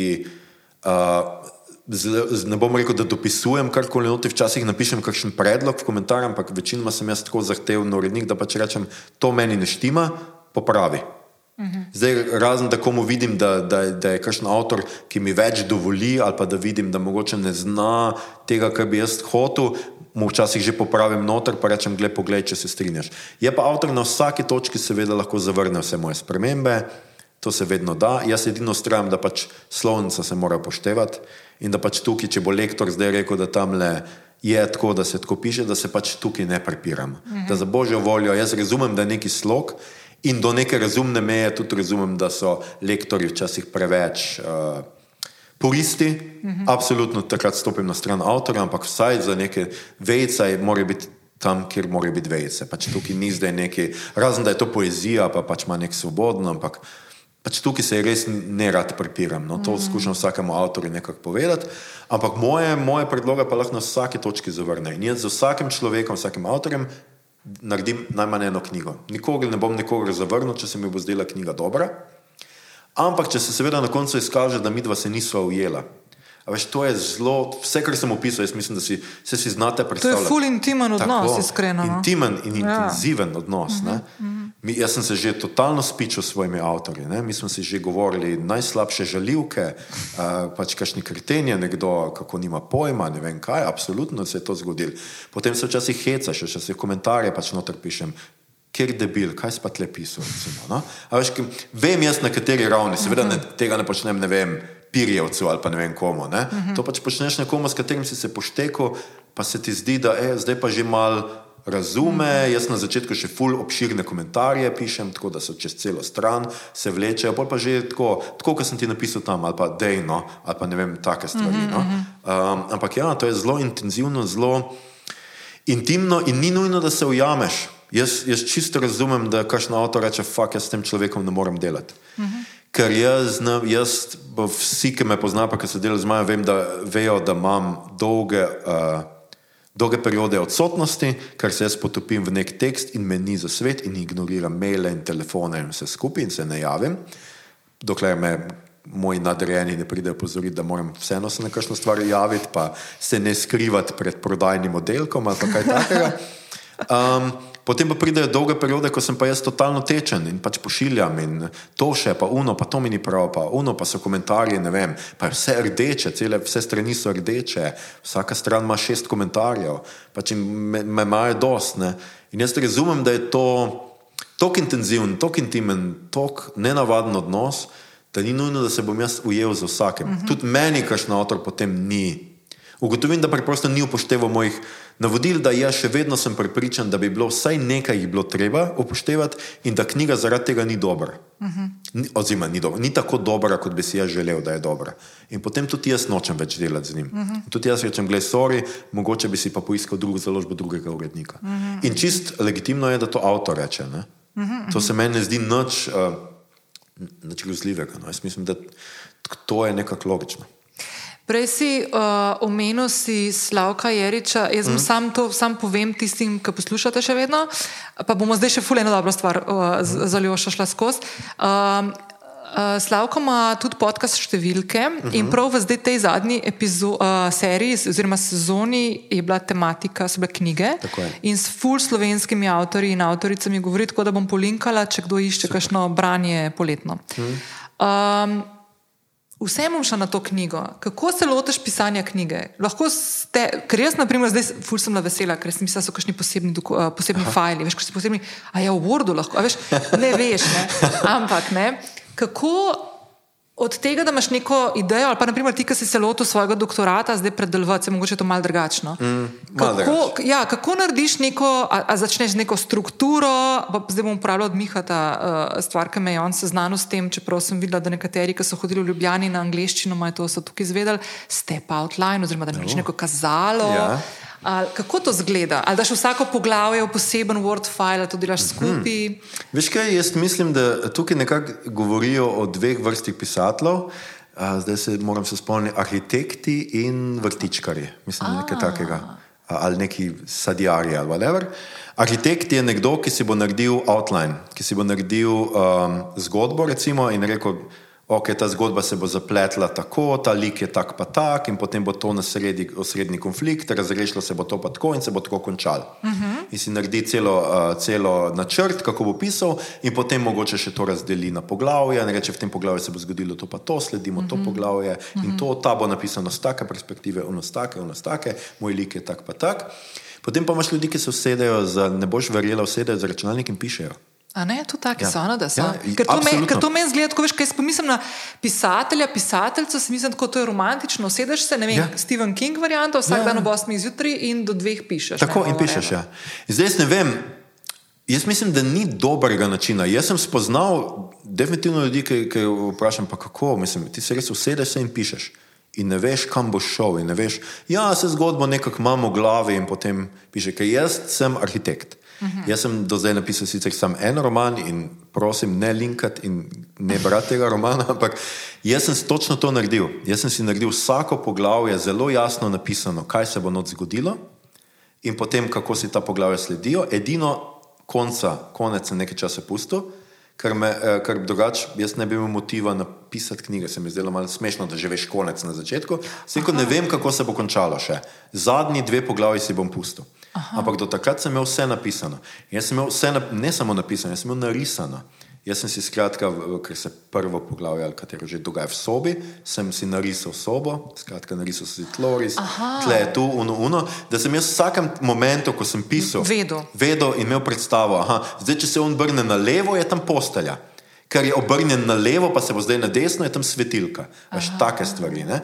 Potem sem, ne vem, jaz obsesivno zaradi tega, ker uh, če je kdo bral moj roman in ve, odkot prihajam, ve, da je tisti mali kraj zelo podoben Ptuju. In če gre eh, po stopinjah mojega junaka, pride skoraj do mojega doma. Ampak sem ga zafrknil, ker sem, se, ker sem končal pod par vhodov prej. Ampak dobesedno jaz sem uh, šel s telefonom po ulici in sem opisoval, kaj vidim. In sem si delal zapiske in risal. Zato, ker jaz sem nek avtor, ki rad bazira na resnici, meni pomaga resnica k temu, da imam jaz neko zgradbo mm -hmm. in da me to nekako kontrolira. Ampak imaš pa ljudi, ki dobesedno se usedejo in pišejo. Noro. In ne tuhtajo v ničemer takem. In potem, ko napišejo, grejo čez. Aha. In jaz to pa najbolj priporočam. No? Ne naredite napake, še posebej, če ste malo samokritični ali pa imate malo nekega jezikovnega znanja. Dostkrat Pri nas pišejo vem, študenti ali pa bivši študenti, diplomanti primerjalne književnosti, ki imajo nekaj znanja o literaturi in tako naprej. To zna človeka zelo ovirati. Uh mhm. -huh. Jaz recimo zdaj zelo težko napišem karkoli, ker vedno sem v zadnji klopi tako, uh mhm. -huh. moj Aljoša urednik, ki bi rad urejal samega sebe. Ampak to je v redu, to je super, ampak to je druga faza. Uh mhm. -huh. Ti moraš, jaz verjamem, da je v prvi fazi treba samo napisati. Uh -huh. Ja, če si narediš, narediš načrt, če ti je lažje z načrtom, ali pa brez načrta, ampak prva faza, po mojem, mora biti samo pisati. Druga faza pa je urejanje. Tretja faza bi jaz priporočil vsem ljudem, da imajo testne bralce. Se pravi, če pišeš knjigo za mulce, da je mulcem brat. Če bojo mulci zaspali v dolgočasja, sorry, nekaj nisi v redu naredil. In seveda ne daš to enemu, pa misliš, da zdaj ne vem kaj ne vem, če je to vaša mama, jaz verjamem, da vas ima rada. Če vas ima rada, vam bo lagala, kako dobro je. Dajte si poiskati ljudi, ja. za katere upate, verjamete, da bojo znali nekaj poštenega povedati. Jaz, recimo, sem pred Tadejem Golobom hotel napisati kriminalko in me Tadej prehito in sem rekel, ne bom, fuck off. Zato, ker sem hotel narediti to sistematično. Jaz sem imel prav načrt, komu bom dal za brat. In jaz, recimo, če bi jaz še naredil kakšno knjigo, če bom, ko bom recimo po tem mojem doktoratu upam, da naredil knjigo, bom nekaj ljudem, ki jim zaupam in ki jim hočem dati, da pregledajo te stvari in bom natisnil knjigo z zelo širokimi robovi in jih bom prosil, da me na vsaki, ne vem, označijo, gledaj, tole se mi ni zdelo redo, to. Dovolj je, če samo napišejo, tle si me zgubo, tle ta del, recimo mm -hmm. teh strani, Fulni ne vem, kaj sem prebral, ali pa ne vem, nehalo me je zanimati. Tu sem se začel dolgočasiti. Mm. Take stvari ful pomagajo. In seveda ne morete tega bazirati na enem bralcu. Super je, če jih je več, 10, 12, 13, se imate neki prijatelji v lifeu ali pa neki mm. ljudi, bil učitelje, učiteljice, kakorkoli že. Dajte to izkoristiti, kakšna ta mm. znanstva. In naj vam dajo, če vam bojo tri, štiri ljudje rekli, da tu sem se začel pa dolgočasiti, potem pa mogoče nekaj je na tem. -hmm. in se da te stvari popraviti. Ne? Kar se pa tiče, ne vem, če pa se piše, to je zdaj recimo lepo slovo, ampak če pišete strokovno knjigo, pa jaz absolutno vedno priporočam, da se kazalo najprej napiše. Mm -hmm. Struktura dela, kako bo izgledalo, kaj bo vse noter. To jaz mislim, da je neka, neka osnova. To je ne na zadnje, tako sem jaz doktorat napisal. Je res, da sem prvo verzijo dobesedno vrgel stran in začel popolnoma na novo, recimo, in to ne vem, par mesecev pred oddajo doktorata, ampak Jaz sem se na, prve, na prvi verziji točno naučil, kaj delam na robe in kaj jaz hočem sploh povedati s tem doktoratom, in sem lahko še let takrat drugo verzijo naredil, tako pošteno, kot je bilo treba. -huh. Ampak ja, za leposlovje pa, ne vem, meni sicer pomaga. Jaz mislim, da je fajn, da avtor ve več od bralca. In jaz sem si recimo delal tudi. Uh, Um, Tako sem imel, uh, kako bi temu rekel, karakter, skratka, opise karakterov. Jaz sem si vse svoje glavne like opisal, na enem listu papirja sem jih imel razdeljene, malo sem si jih tudi narisal, ne znam risati, ampak recimo v grobem sem si jih narisal, to vas ne sme ustaviti. In uh, jaz sem si recimo napisal uh, pri vsakem, zato ker je moj roman m, veliko krat sestavljen iz zelo iz dialogov in nima recimo napisano, kdo kaj reče, sem želel, da se to razpozna iz dialoga in sem vsakemu dal neke fraze, ki jih ponavlja in si ti rekel, in si videl, da on nosto ponavlja, ne vem, ne vem kaj naj ti rečem, to je zadnja cajta moja neka fraza, ki jo ponavljam in si takoj lahko pripisal enemu od junakov in si vedel, vsakeč, ko se to pojavi, je to on. Aha. In take podobne stvari. Uh, za dialoge je fenomenalno, če si jih poveste. Jaz, mm -hmm. Mene to vedno preseneti, ko mi nekdo prinese knjigo s slabimi dialogi in si reče: A si kdaj to poskušal na glas povedati? A, mm -hmm. a, a slišiš, kako zveni slabo to, mm -hmm. kako zveni kot slovenski film iz 80-ih, napisan pač scenarij po literarni predlogi, kjer so se pogovarjali, mati, kako ste mati, a boste prinesli še eno kavo, mati. A, mislim, ja. To danes so se slovenski filmi naučili govoriti, slovenski romani pa včasih še ne. Dajte si govoriti dialoge. Ne? Dajte kakšne stvari preveriti, zelo pomembno. Mislim, da smo se to danes že do, mm -hmm. nekaj dotaknili tega. Ne?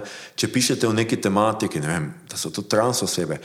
Jaz nimam nič s tem, da recimo nekdo, ki ni trans, ki ni gej, piše recimo o teh skupnostih in se skuša živeti vanje. Ampak ne naredite napake, da nič ne veste o tem. Mm -hmm. Ja, so ljudje kot mi vsi.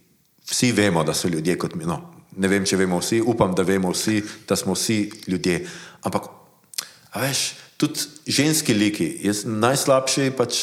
Jaz sem to že rekel, da bom, um, da bom enkrat naredil raziskavo, ki bi jo zelo rad naredil, ali pa prosil enega profesorja na filofaksu, da to kažnemu svojemu študentu da delati. Um, slovensko poezijo, recimo, uh, uh, pogledati in ugotoviti, koliko krat so ženske ki jih lirski subjekti moških pesnikov opevajo, opisane z nefizičnimi atributi, pa bomo temu tako rekla. Ne? Ker v slovenski poeziji se zelo dogaja, ne? da nekdo piše tako si lepa, črne lase imaš, ne vem kaj, bel mhm. obraz, svetle, ne vem kakšne luči, oči, nikoli pa ne bo zvedel, a je pametna, ima smisel za humor, a je dober človek, a je ne vem kaj. Meni se to zdi pač zelo pomembno pri ugotavljanju partnerjev, pa pri neki ljubezni. Ne? Skratka, dajmo še neke duševne plati teh ljudi zvedeti. Uh mhm. -huh. In jaz mislim, da slovenska poezija je zelo pogosto zelo stereotipna do ženskih likov.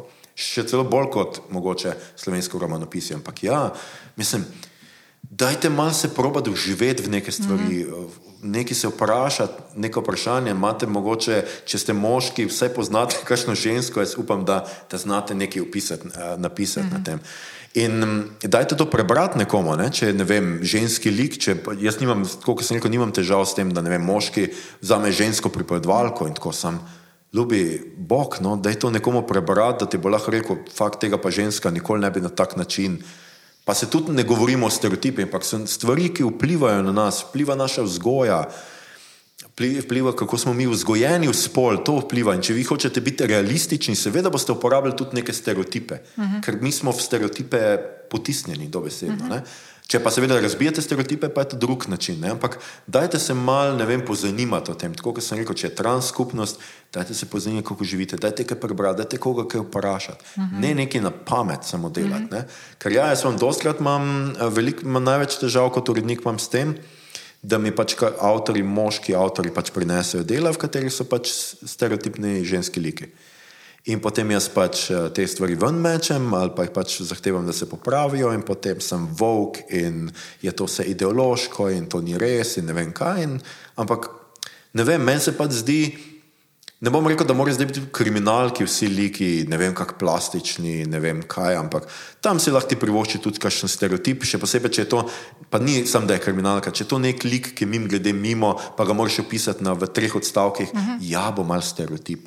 Ja, če karikiraš, če si družbeno kritičen, bo malo stereotip, bo po nekega poenostavljanja, po preproščanja. Ampak če pa je to nek glavni lik neke zgodbe, pa ne more biti stereotipen. Zakaj bom jaz bral neke take mm. stvari, pa ne moreš takih stvari uporabljati? No, to pa jaz mislim, da vseeno nisem za cenzuriranje za nazaj, ampak jaz mislim, da dan danes mi ne moramo pisati tako, kot so si v 19. stoletju, pa da so ženske za štedilnikom in uposli in nimajo nobenega drugega, posebej pa ni notranjega življenja. Ne? Tako da tukaj je dost teh nekih stvari, kjer se pač loviš z avtorjem, kjer uh, dost klicev je včasih potrebno, dost nekih pregovarjanj uh, in vse skupaj, ampak Jaz mislim, da če vzpostaviš pa to neko zaupanje z avtorjem, da avtor ve, da mu hočeš dobro, jaz pač vedno rečem, gledaj, jaz bom, jaz bom iz tvoje knjige, pač iz tebe potegnil najboljše, kakorkoli se že to sliši, ne vem, ezoterično, ampak jaz, to je moja naloga. Mhm. Ti pišeš to knjigo, na koncu bo to tvoja knjiga, ti se boš podpisal pod njo, ampak jaz bom vse naredil za to, da bo ta knjiga kar najboljša je možna knjiga. In ne rata vedno. -hmm. Pošteno bom priznal, da je kakšna knjiga, ki sem izdal, se mi ni zdela tako dobra, se mi zdi, da, da, bi, da mi avtor mogoče ni dovolj zaupal, da mogoče nisva dovolj kvalitetno delala. Da se nismo najboljše razumela, kaj smo hotla, da se nismo zaštekala na neki ravni in pač izide. In jaz potem premislim, ali bom delal še, še naslednjo delo. Je pa zelo redko, pa jaz dobim res rokopis, ker zelo, zelo malo popravim. No. Take, recimo, so kakšne pesniške zbirke, ker jaz zelo redko izdam pesniško zbirko in takrat želim, da je res hudičevo dobra. Na zadnje se pravi, vesno Lema je, če ni nekratke zgodbe, tam res nisem imel veliko dela. Ampak načeloma jaz verjamem, da je ustvarjanje knjige um, timski šport in da pač tukaj mora. In vem, da pač avtori se radi vtikajo vse, ampak tukaj jaz mislim, da mora biti neko določeno zaupanje. No, jaz tudi uh, vedno dam avtorjem na izbiro, da povejo, kaj bi imeli na naslovnici. Mm. Če bi imeli tudi kakšnega umetnika, ilustratorja, fotografijo, in mi skušamo v nekih. Uh, razumskih mejah to omogočiti, skratka, da ne bo zdaj nekdo zahteval milijone za neko fotografijo za naslovnico, jaz bom to vedno upošteval, ampak če bo moj oblikovalec rekel, da je to grdo, da ne paše, uh -huh. da, da, da skratka oblikovno ne deluje, bo pač, bo pač morala verjeti oblikovalcu. Uh -huh. um, jaz pač nisem tok vizualen tip. Jaz imam tudi zelo nenavaden okus, očitno za naslovnice, ker se meni včasih kakšna naša zdi ful dobra, pa potem bravci niso tako nadušeni, včasih je pa obratno, pa se meni zdi, o moj bog, to smo dobro, pustimo, avtor hoče, le, vredo je, naj bo, potem so pa bravci nadušeni. Tako da tukaj se jaz, jaz vem, da imajo vsake oči svojega malarja, ampak se skušam prilagoditi, hočem pa, da se pač zaupa nekomu, nekemu mm -hmm. profesionalcu. Ne? Enako je, ne vem ko imamo tiskovko, pa da je avtor prvenca ali pa avtorica prvenca, jaz vedno stopim do nje, njega in skušam ga mal pripraviti na tiskovko in pa skušam reči, da tam bo STA. Jaz razumem, da si ti duhovit človek in super je, da si duhovit, rad te imam duhovitega, ampak če se boš ti hecal iz svojega romana in bo STA to razširil po celi Sloveniji, te bojo povzemali ljudje in to zna vplivati na kritiko. To zna vplivati na ljudi, ki pišejo kritike, da te bojo dobesedno citirali, kaj si ti rekel v svoji lastni knjigi. In moraš zelo dobro paziti, kaj boš povedal. Uh -huh. Je cajt za hec, Ampak ta hec mora biti učiten, tako da bojo vsi vedeli, da se ti hecaš.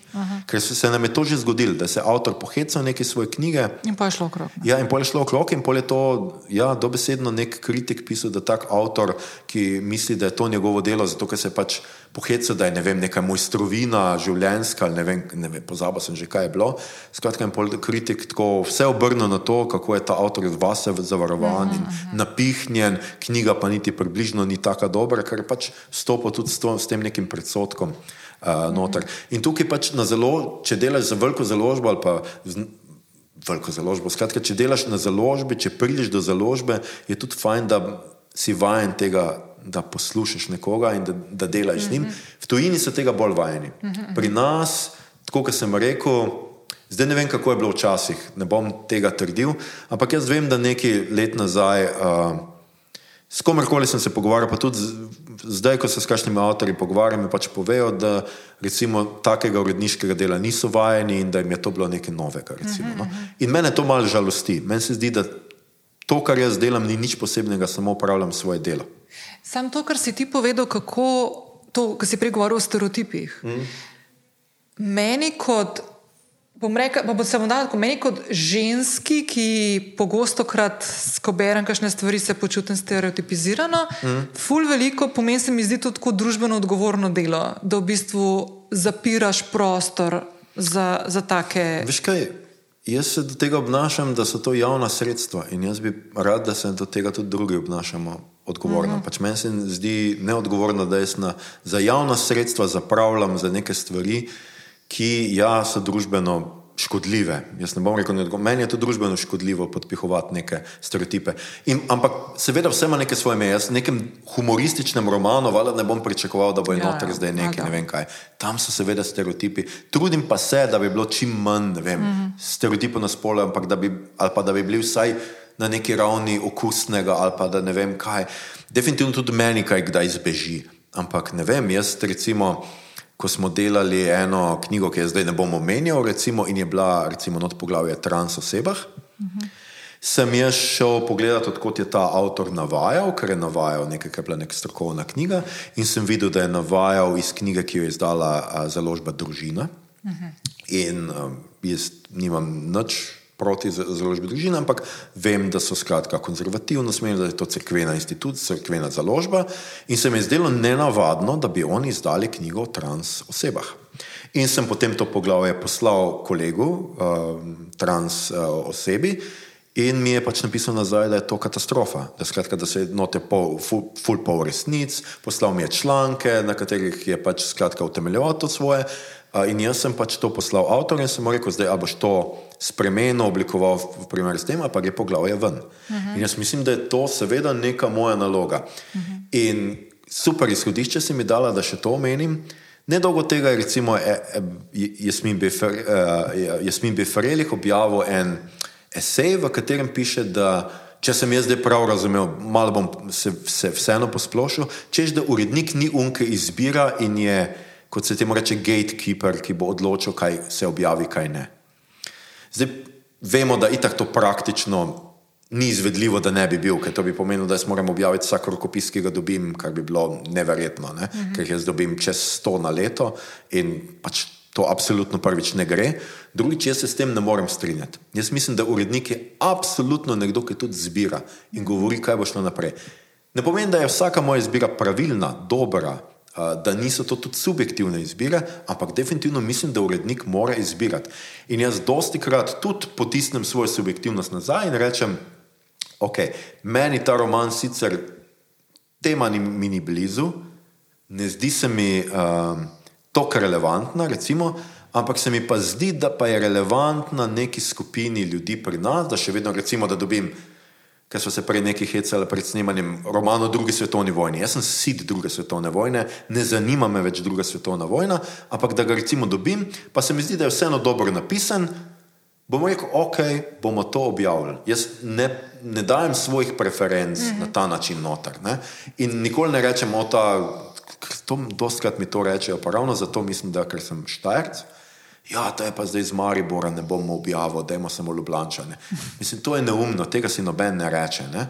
Ampak definitivno pa jaz mislim, da imam da glede na to, da gre za javna sredstva, moram jaz izbirati stvari, ki vsaj nekako v družbi delujejo pozitivno in prispevajo k neki gradnji boljše javnosti, gradnji uh, boljšega sveta. In mislim, da je to tudi pravilen način. In tudi jaz zelo pazim na to, da, pač, da je moj program, kolikor se le da, uravnovešen, uravnotežen, da izdajamo dovolj tudi uh, knjig avtoric, da, uh, da bi želim si še več, recimo, uh, različnih spolov, raz, različnih ras, različnih narodnosti, take stvari jaz pa se, se trudim paziti, ker če nezavestno ne pazimo na te reči, se jaz bojim, da se nam nezavedno prikradajo noter, da imaš naenkrat ugotoviš, da imaš programi samih američanov, uh mhm. -huh. belih, srednjega razreda, to, uh -huh. kar smo se prej pogovarjali. Zato, ker veš, meni doskrat prevajalci za prevode, recimo, jaz postim, da mi prevajalci predlagajo. Ne?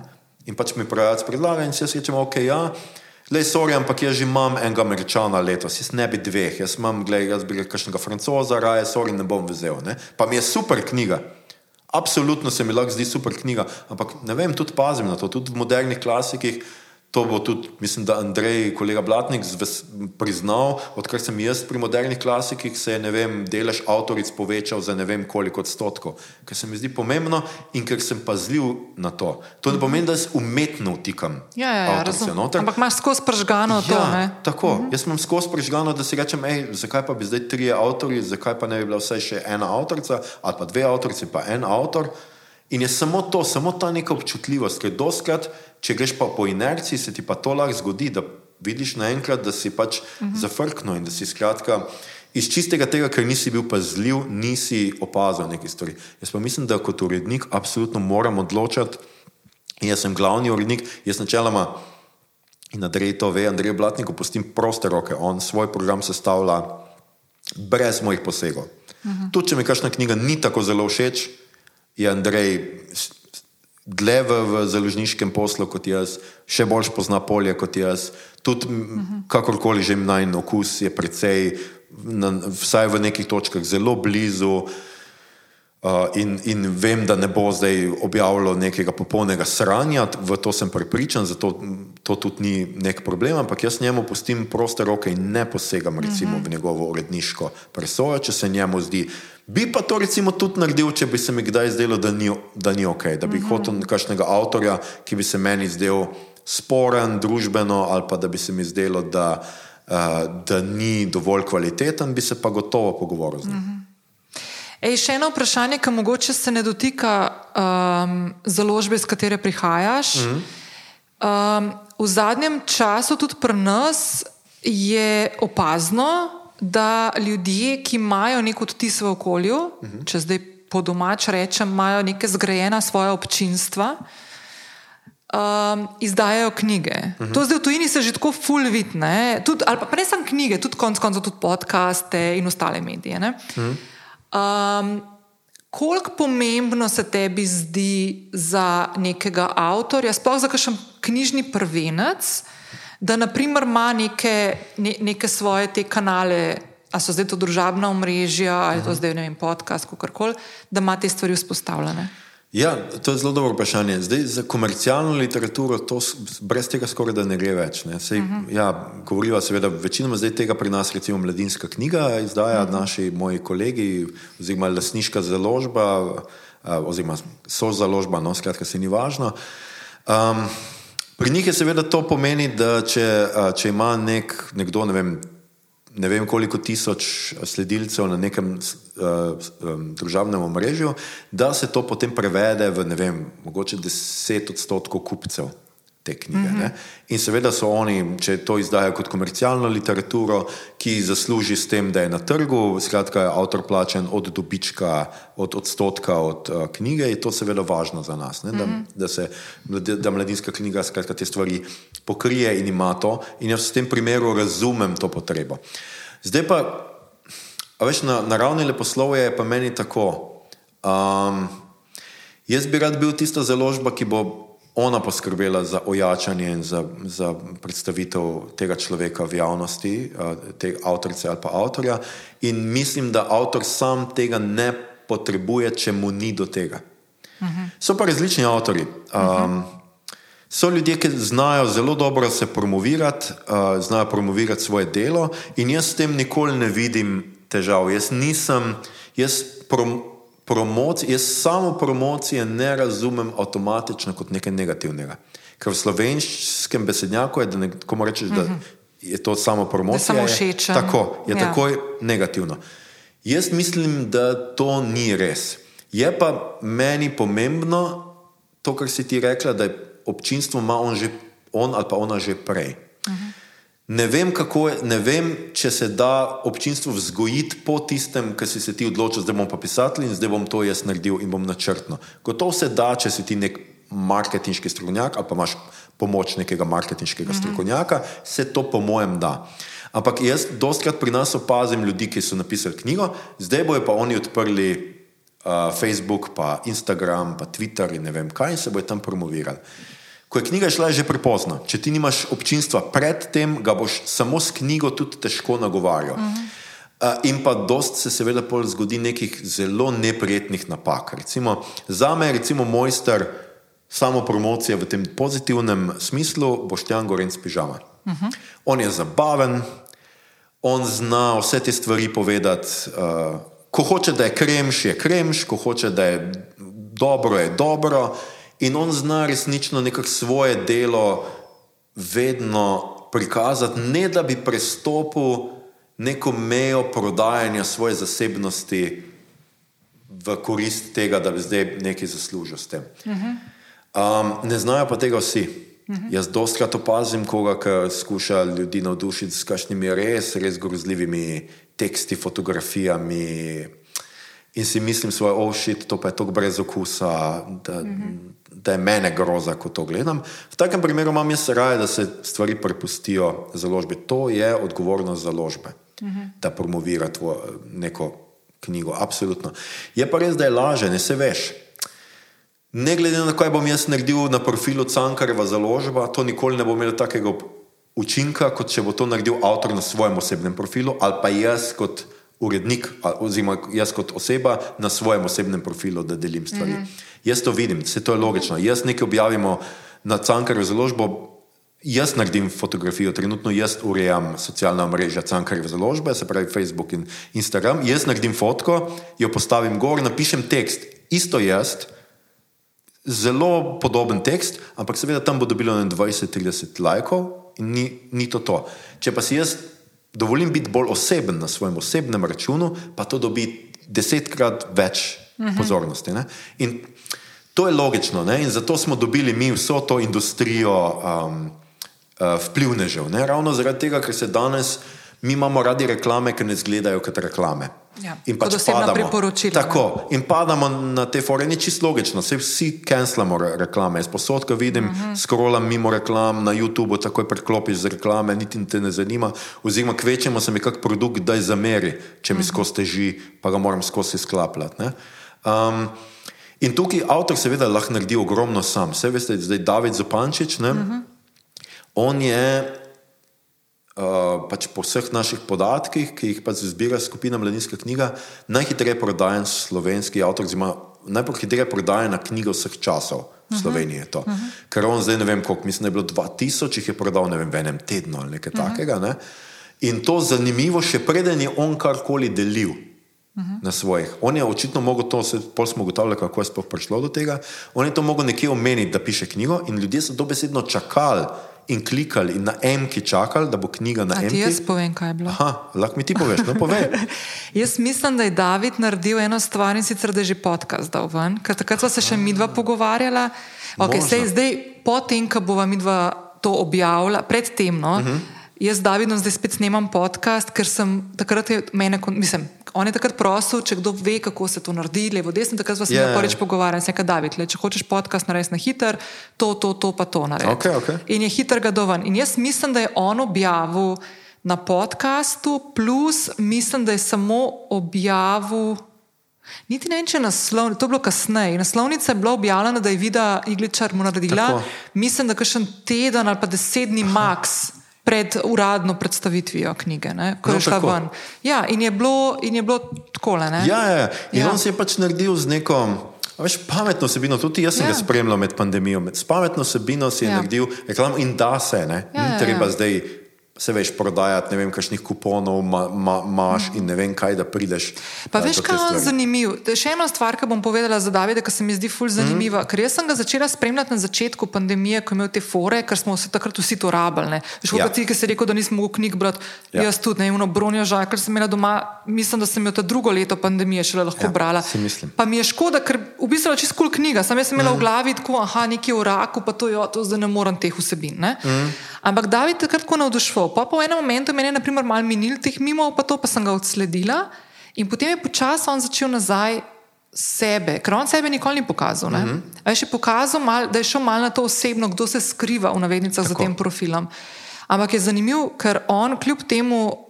Veš, ti če njega, naprimer, da ti ne veš, da bi ti moja babica zdaj rekla, pa odprla Instagram profil zaradi Davida Zupančiča, mm. ki bajdo enkrat je video posnel za mojo babico, ki je prebrala knjigo in je bila čisto vesela. O, super, ja, lepo. ful dobro, res lepo. Pa še za dežurne, dežurstvo se je javilo z masko na obrazu. V glavnem, ampak če bi moja babica zdaj odprla Instagram pa rekla David Zupančič, ne vem, če bi ga našla, ker ima še vedno tisti ministry of what the fuck. Ja, ne? ja, A veš, ja. kako ful je zanimivo pri njemu en kup enih teh klasičnih marketinških prijemov v bistvu v praksi pade, delujejo, čeprav misliš, da ne bi smele delovati. Tako, ampak zdaj, recimo, primerjaj pa to z Tadejem Golobom. Njega pa recimo ni nikjer. Nikjer. Ta človek ne obstaja, ja. Ja. ampak se njegove knjige vseeno prodaja. Ja. Ja. Tako da jaz mislim, da tukaj je umestna neka. Jaz ne bi silo nikogar, da gre na socialna mreža samo zato, da se. Ja, ja, prodaja, se- da se ne. drugače. Da se tudi drugače. Ja, ja. Z dobro vsebino, tudi podporo še vedno je dovolj. Našo založbo jaz moram pohvaliti, pač medije, kot sem jih prej kritiziral, uh -huh. še Mhm. vedno mediji zelo dobro spremljajo, podpirajo in tako naprej. Ampak da se pa tudi tako, mislim, jaz tudi nisem pa jaz čist načeloma proti, se ne na zadnje tudi jaz um, uživam na nek način na socialnih omrežjih in razumem so to, da nas kvarijo, da nas bojo uničila kot družbo in ne vem kaj.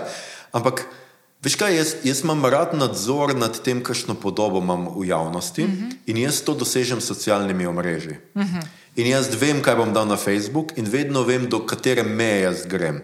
Ampak jaz vem, kje je ta moja meja uh -huh. in pazim na to mejo in je zelo, zelo redko prestopim. Jaz vem, kaj je moja zasebnost in tja ne bom nikoli ničesar objavil v tem smislu, oziroma zelo pazim, da na Facebooku gledam, kaj objavim na javno, kaj pa na skratka uh -huh. za prijatelje. ne. Um, In če si ti, če veš, da si človek, ki bo imel to pod nadzorom, je ok.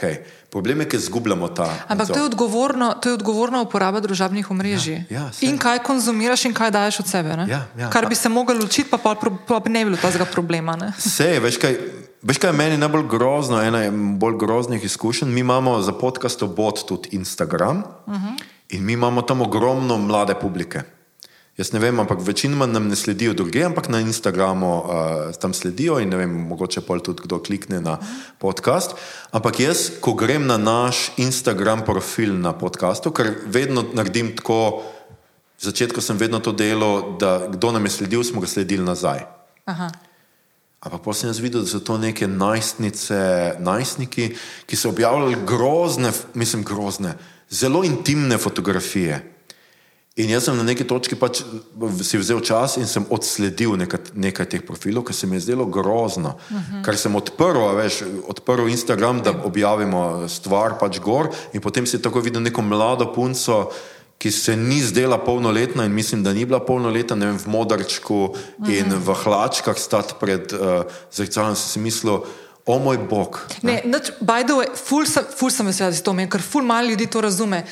Uh, nič narobe, če to punca dela, pa se tega zaveda. Ja, ne? ja, Ampak absolutno. ti kot nek profil Tako. slediš taki osebi, Ja. mladi, hm, ali pa brand se vsem, to je lahko ful problematično. Seveda je ful ne? problematično in, in pač ni ok. Se, uh -huh. lej, absolutno jaz mislim, da tudi zdaj, tako, ker sem uporabil mladi, se doskrat vidimo, da tudi starejši niso kaj dosti boljši in tudi mladi, jaz mislim, da znajo včasih se naučijo bolj odgovorno uh, uporabljati, uh -huh. ampak jaz se pa strinjam vseeno s tabo, da mislim, da bi pa morali mi to, ko- danes vem, kdaj je bilo prečasno, zdaj sem spet slišal o kurikulumu in tako, kaj, kaj bi mogli vse in ta neka Ja. informatika krepiti. Jaz se na nek način strinjam, ampak predvsem bi si upal, da bo to tak pogovor, kot ga imamo zdaj midva, ker ne bo, ne smeš tega početi. Ja, ampak kaj se zgodi, če to ne? Tako, kaj se zgodi, če to narediš, pa kako lahko to nadzoruješ, pa kako paziš. Mislim, Meni to, a veš, to, da mi začnemo, vse veš, to se vsakeč zgodi, ko vdrejo nekomu v računalnik ali pa v telefon in mu poberajo njegove seksi slike, ki si jih je posiljal s partnerjem, ki je enako polnoleten kot eh, on ali pa ona. Oprosti, to je problem je tukaj vdor v zasebnost mm -hmm. človeka. To, kar ona dva počneta konsenzualno, to nima to koga ni... brigati. Ja, exactly. A veš, to ja. ne, ne biti poristi, no mene briga, kaj kaj ljudje počnejo med rjuhami, pa kaj objavljajo. Sam ja, moraš pa imeti neko zavedanje, kaj se zgodi in da ni ok, da to vsi vidijo. Mm -hmm. Tako da mi smo tam, jaz sem potem kar nekaj teh pač odsledil, ker se mi pač to ni zdelo. Um, ni zdelo ok. Imam pa tudi sam, pa se pravim, ampak meni je všeč ta nadzor. Ne? Jaz lahko res na Facebooku oblikujem neko svojo podobo in jaz mislim, da sem jo do neke mere precej oblikoval, da marsikdo misli, da sem nekaj, kar v resnici nisem. No? Veš, jaz sem zasebno, recimo, precej bolj sramežljiv, precej bolj vase umaknjen, introvertiran človek, s čim imajo vse moje partnerice, vse moje zgodovine, so imele velike težave s tem. Ampak jaz na zunaj, veš, jaz sem danes tudi tukaj večinoma zato, ker um, se me povabila, da govorim o knjigah, govorim o knjigah, jaz le predstavljam svojo založbo kot glavni urednik, se vedno hecam, da sem jaz pač Borod Pahor naše založbe in pač pridem na take stvari in ne reprezentam. A veš, in jaz moram, jaz tudi na podkastu je meni ful všeč in ful mi je všeč podcast kot medij, zato ker jaz tudi lahko oblikujem. Na obodu jaz vedno malo oblikujem svojo osebnost in tam sem jaz mal bolj edgy, mal bolj si uprznem si reči reči, ki si jih jaz tako med ljudmi nikoli ne bi upal reči. Ali pa ne vem, drznem si biti samozavesten do neke take, uh, ne vem kako bi temu, objestne mere, in vedno pač promoviram naš podcast, in smo vedno mi tako najbolj pametni. Tako. Jaz zasebno, absolutno nisem tak človek. Jaz zasebno imam toliko enih dvomov do vsega, kar počnem v lifeu, do vsega, ampak meni je to, veš, všeč. In mislim, da mi danes govorimo o socialnih omrežjih, radi zelo demoniziramo. In jaz mislim, da do neke mere. Razumem to in je prav zato, ker se mi zdi, da včasih se še premalo zavedamo škodljivih, negativnih vplivov državnih mrež. Pa po drugi strani jaz vseeno mislim, da je debata bolj kompleksna. In da imajo, jaz vem, da so bile, nedolgo, da so bile še pred leti, sem bral neke raziskave, da so tudi državne mreže marsikje komu popravila samo podobo in marsikateri, ne vem, manjšini, ženskam, recimo, dvignile samozavest. Jaz sem ena od njih. No, recimo. A veš, in A veš, nič ni tako, ne moreš stvari imati iz konteksta. Veš, če, bo pomen, če bo ženski, ki ima težave, zdaj govorimo o ženski, recimo, ker smo v družbi pač tako, ampak če bo ženski, ki ima recimo težave z reprezentacijo svojega telesa, kako njeno telo zgleda, uh -huh. če bo nekaj pomenil, da upa objaviti sliko sebe, ne vem, v kopalkah na plaži, uh -huh. je bo to dalo samo zato, to ni samo negativno. Ja. Jaz ne morem verjeti in Ja. Absolutno ni samo negativno. To, ne? Je pa res, da se seveda spet v nekih kontekstih se to seveda zlorablja in, tako, in da je treba paziti, kako to počneš. In... Valda, treba se zavedati, da veš. Ko daš neki gor, kaj to pomeni, tako, ja. oziroma ja. ko ti spremljaš neke vsebine, ki ja, prihajajo k tako. tebi, kaj to pomeni. Ja. Ne? ne pa si misli, Ampak, da so seveda ljudje na Instagramu vsi srečni ne, in uh, popolni in ne vem kaj. Ne? Ampak prej si rekel, prej si omenil Luisa Capaldija mm. in ta. Uh, uh, to reakcijo ljudi. Uh -huh. uh, meni je fully všeč, da si danes povedal en kup enih stvari o svojem delu, o sebi, tudi na koncu, da imaš strahove, imaš nekaj tudi ti uh -huh. sindrom usiljivca, ki si ga prej pred Jani omenil, ki mislim, da vsak normalen človek se prej uh -huh. s tem sreča. Uh, By the way, enkrat sem poslušala Billa Gatesa, pa je rekel, da on ima tudi to. In so rekli, kako vi, najbogatejši človek na svetu, skoraj. Mislim, ne, ne vem, če še eno, zdaj ni več, zdaj je unaj, mm. mask, frajer. No, in je rekel, ja, jaz imam sindrom usilica to, da ne znam nobenega drugega jezika kot angliščino. In se mi to zdi kot absoluten manjko mm. in me je zaradi tega ful sram. In sem si mislila, evo, ne, človek je normalen, ne pač valjda. Yeah. Ja. Ampak take stvari so tiste, ki povežejo ljudi. To so tiste stvari, ki ti pokažeš, da si krval pod kožo, da si ja. normalen človek in to je to. Ne? Veš kaj, jaz doskrat na Twitterju recimo, grem prek sebe in povem stvari, ki jih nikoli ne. Um, ker se mi zdi, da je pomembno to, kar smo se pogovarjali, zdaj se mi je pomembno, da se pogovarjamo o nekih rečeh. Tako sem nedolgo tega pisal o eutanaziji in izkušnji, recimo, uh -huh. uh, mamine smrti, ki je umrla za rakom. Recimo, to je nekaj, kar sem jaz povedal najboljšim prijateljem. Uh -huh puncam, recimo, ali pa komorkoli, nikomor, recimo, drugemu. In se mi zdi pomembno zaradi tega, ker Tukaj je pa nekaj, s čimer se strinjam z Niko Kovač, recimo, da so osebne zgodbe tisto, kar nagovarja. Ne gre samo za to, da mi živimo v kulturi, ker je osebno uh, postalo politično in javno in ker so osebne zgodbe uh, skratka neke izhodišče za neke razmisleke o političnih konsekvencah, uh -huh. družbenih konsekvencah naših dejanj in um, ravnanj. Um, jaz mislim, da smo ljudje preprosto uh, zgodbene bitje zgodb. Uh -huh. In tudi danes literatura ni več prva raznašalka zgodb, tako kot je bilo včasih. Danes so to socialna mreža in vem, TV serije in recimo še filmi. Uh -huh. Vse vemo, imeli smo poplavo, govorimo o zlati dobi televizije, govorimo o zlati dobi TV serij. In jaz mislim, da mi danes veliko bolj razumemo zgodbe in razumemo, da smo ljudje bitja zgodb. In to se izkorišča seveda v dobro in v negativno. Ne? Izkorišča se tudi za, seveda, za fake news, ker nam prodajajo zgodbe, ki niti približno niso res, ampak mi vidimo neke ljudi, ki pač rečejo nekaj in mislimo, da je res. Po drugi strani pa jaz mislim, da je res neka moč zgodb v tem, da ti poveš neko svojo izkušnjo in da tako kot si ti rekla, da ti mogoče še nisi slišal te izkušnje, -hmm. iz prve roke, ampak si do zdaj slišal samo nekaj abstraktna pričevanja o beguncih, transosebah, gejih, lezbikah, ne vem kom. Mm -hmm. Zdaj pa slišiš zgodbo enega človeka, mm -hmm. ki ti jo pove na, z svojimi besedami, na svoj način, neprisiljeno. Skoraj da malo spontano, čeprav jaz vse svoje tvite, seveda 26krat preberem in jih zelo oblikujem, ampak pač oblikujem jih na ta način, da bi bili čim bolj simpel, čim bolj jasni, čim bolj povedali bistvo neke štorije in bili zaokroženi. In to se mi zdi zelo pomembno, in jaz to kdaj, seveda, na Twitterju počnem, grem pa iz sebe, to hočem povedati. Uh mhm. -huh. Jaz nisem človek, ki bi to javno o tem hotel govoriti. In tudi, če bi jaz imel možnost, da ne govorim, če bi jaz videl možnost, da ne govorim o tem, bi raje bil tiho. Ampak jaz mislim, da včasih je take stvari treba povedati, uh -huh. ker se o enih stvarih ne pogovarjamo kot človeška bitja, ampak kot statistike, kot stereotipi in to ni ok. Uh -huh. Za me je bil največji dokaz, kako ljudje razumejo zgodbe in to se sliši mogoče komu smešno, kako so ljudje sovražili zadnjo sezono eh, Igre prestolov. Uh -huh. Jaz mislim, da še nekaj let nazaj še veliko, veliko let nazaj, ko serije niso bile tako razširjene, ljudje ne bi razumeli, zakaj je bila zadnja sezona tako slaba. Ker je bila zgodbeno, ni imela smisla. Ker so pohiteli z enimi stvarmi, ker so ene stvari, tako kot uh, slavna ta Čehovova pištola, skratka, pištolo si pokazal v prvem prizoru, v tretjem mora početi in, se, in so prekršili ene te stvari. Uh -huh. In ljudje so to razumeli, ker to, kar razumejo logiko zgodb, da jim nekaj ni pasal, uh -huh. nekaj jim ni šlo noter, so rekli, kako se lahko tako konča.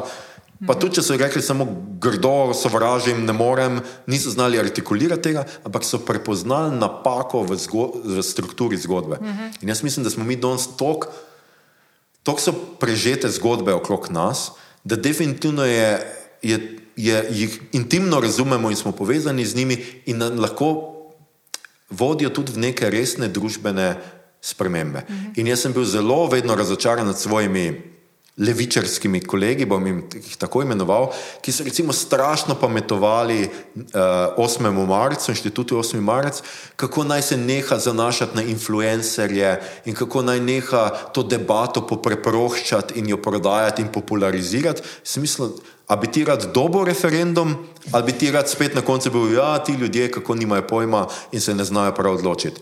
Ne, radi bi dobili referendum. Dajmo dobiti referendum. In če ti ne lažeš v svojih, če ti ne manipuliraš, ampak pokažeš zgodbe, jaz mislim, da je to čisto legitimno in super orodje. In jaz mislim, da je tukaj recimo tudi inštitut 8. marec pokazal nekaj, kar se mora še slovenska politika posebej progresivno naučiti. -hmm. Kako pomembne so zgodbe za to, da ti dosežeš nekaj mm -hmm. v družbi. Mm -hmm. Um, a te vprašam, še kaj boš kaj bral čez poletje?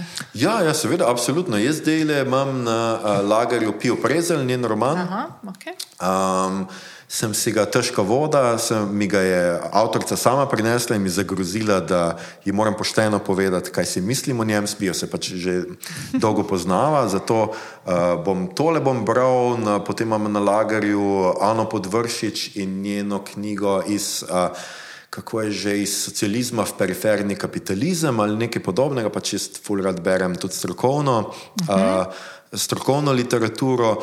Uh, zadnjega veščeca imam uh, pripravljenega, da, ga, uh, da se ga lotim, uh, in pa zelo rad bi prebral novo Shirley Jackson, uh, zdaj sem pozabil, kako je že v, v literaturi, v, v pikniku je išla in pa moja slaba vest, moja res, res, res slaba vest, Olga Tokarčuk, Jakobove bukve. To je pa tako debela knjiga, da žal, mislim, ne morem jaz to čez leto brati. Jaz, veš kaj, jaz čez leto zase berem tako par minut, kakšno urco mogoče pred spanjem. Ampak jaz neko res debelo knjigo, v katero res moram kompleksno jo sprejemati in jo res vzeti čas za njo, imam rad, da imam ne vem, par dni skupaj, da preberem. Uh mhm. -huh. Zato jaz debele bukve berem med, uh, med počitnicami in pa recimo odvig vag blasta še moram prebrati do konca, uh, ker sem četrti del. Prva dva sem prebral, pa sem pa rekel, da tretjega ne bom, dokler četrti ne izide, in zdaj, ko imam v kompletu, se še pa nisem uspel lotiti. To je pač nekaj, kar me.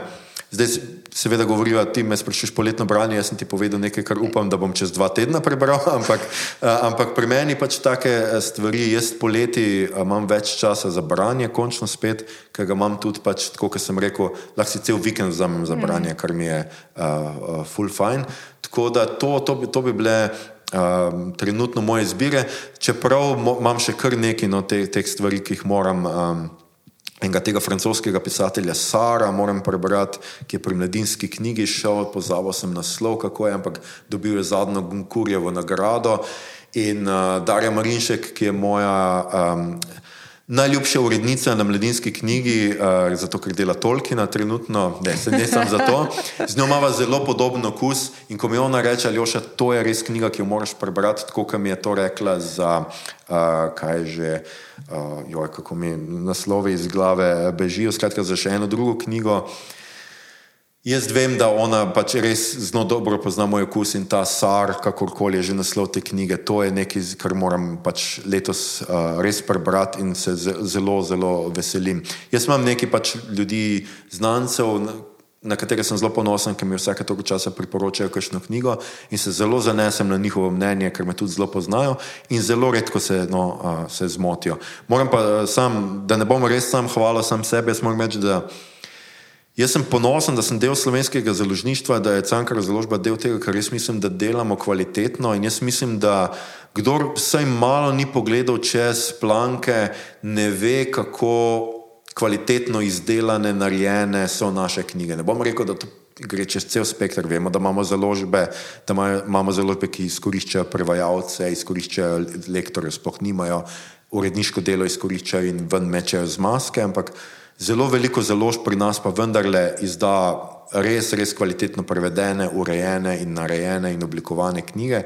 In um, jaz zelo rad pač podpiram druge založbe. No? Um, vem, da tudi mojim šefom, da to ni všeč, ampak jaz veliko raje objavljam o drugih knjigah, pa o svojih. Se mi zdi to tudi bolj, bolj naravno in tudi veliko pač berem druge knjige, zdaj svoje berem, seveda iz čistega službenega, ker mm -hmm. pač moram kot glavni urednik se tudi trudim. Da preberem skoraj vse knjige, ki jih tudi Andrej recimo, mm -hmm. uh, izda, pa recimo še pri Nini Žitko Pucer, še v eni kolegici izidejo, če tudi so to kdaj kuharske knjige, recimo jo vsaj imam doma, pa kdaj skušam kaj skuhati po njej. Um, Ne po sreči se mi prav pogosto, ampak eh, vsaj ne po izgledu.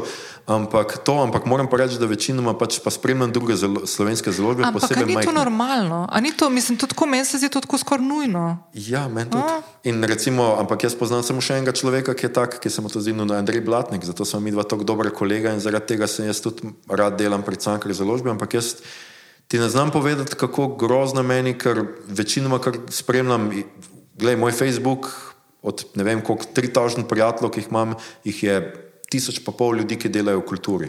Uh -huh. In jaz zelo redko od njih vidim, da kaj objavijo, da kakšno knjigo berejo. In to smo spet tam na začetku, ko smo se pogovarjali o tem, pač internet je tak, kakšnega ga delamo. Uh -huh. In meni se pač to zdi grozno. Tako kot uh, ti moram žal povedati, da recimo ljudje, ki ne hodijo na literarne večere, ne bojo verjeli, ampak uh, na kakšnem literarnem večeru slovenskega avtorja drugih avtorjev ni.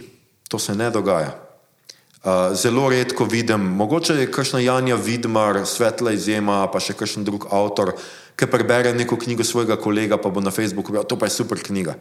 Jaz ne rečem, da je treba raztrgati koga, ampak če pa prebereš nekaj dobrega, pa se meni zdi v redu, uh, fajn, da, da pohvališ in da to uh -huh. objaviš. In spet pač internet delamo mi. Uh -huh. Pritoževanje čez tem, kako slab je internet, ne pomaga, če si tudi ti na internetu in na državnih omrežjih, ker si so kriv eh, za to. In ne bi si želel več tega, ampak ni tako pogosto. Jaz na, knjižni, na knjižnem, slovenskem knjižnem sejmu vsako leto naredim eno turo in pofotkam knjige drugih založb. Vsake stojnice se skušam, čisto vsake ne, no, ampak z večine stojnic skušam pofotkati neke knjige, ki so mi zanimive. Tudi za otroke, tudi kakšne take stvari, in to objavim na svojem Facebooku. In mm -hmm. na ta način skušam promovirati knjižni sejem, literaturo nasploh in uh, branje. Tega ne počne noben drug urednik. Zakaj ne, jaz ne vem. Tudi o svojih knjigah, recimo, zelo redko objavljajo, da ne bom samo kritiziral, ja. ampak meni se zdi pač to nenavadno. No? Jaz imam, ti pravim, veliko kulturnikov, ampak če bi ti šel po, po tem, kar objavljajo na socialnih omrežjih, nikoli ne bi uganil, da so kulturniki, razen da seveda promovirajo svoje, svoje knjige, gor objavljajo, ker nikoli jih ne vidiš, kje brati. Nikoli jih ne vidiš, ne vem, če objavljajo slike z morja, niso na plaži, pa berajo. Ampak objavljajo vem, sončne zahode, školke, ne vem kaj. In meni se to zdi še kar, slab, še kar slabo. In jaz to zavestno pač počnem. Spet to ni moja izbira. Jaz absolutno si ne želim, da vsi vejo, kaj berem v vsakem trenutku in tudi vsega vedno ne objavim. Še posebej, če se mi knjiga ne zdi dobra, tega ne objavim. Tudi sem recimo nehal Goodreads uporabljati, ker sem ugotovil, da ni fair ker jaz veliko leposlovja tujega preberem, ko se odločam za prevode. Nekako sem zadnjič štev, ker smo to imeli na neki delavnici, preberem približno 40 do 50 knjig, da se odločim za en prevod. Se pravi, mm -hmm. eno od teh 40-50 jih potem tam prevajati. In v, jaz sem na začetku imel Gudrici odprl, ker sem mislil, ne bom zdaj pisal v knjigah slovenskih založb, ker se mi to ne zdi lojalno, kon konkurenca, da bom jaz zdaj napisal ta knjiga, je pa za noč, ne ja. vem kaj.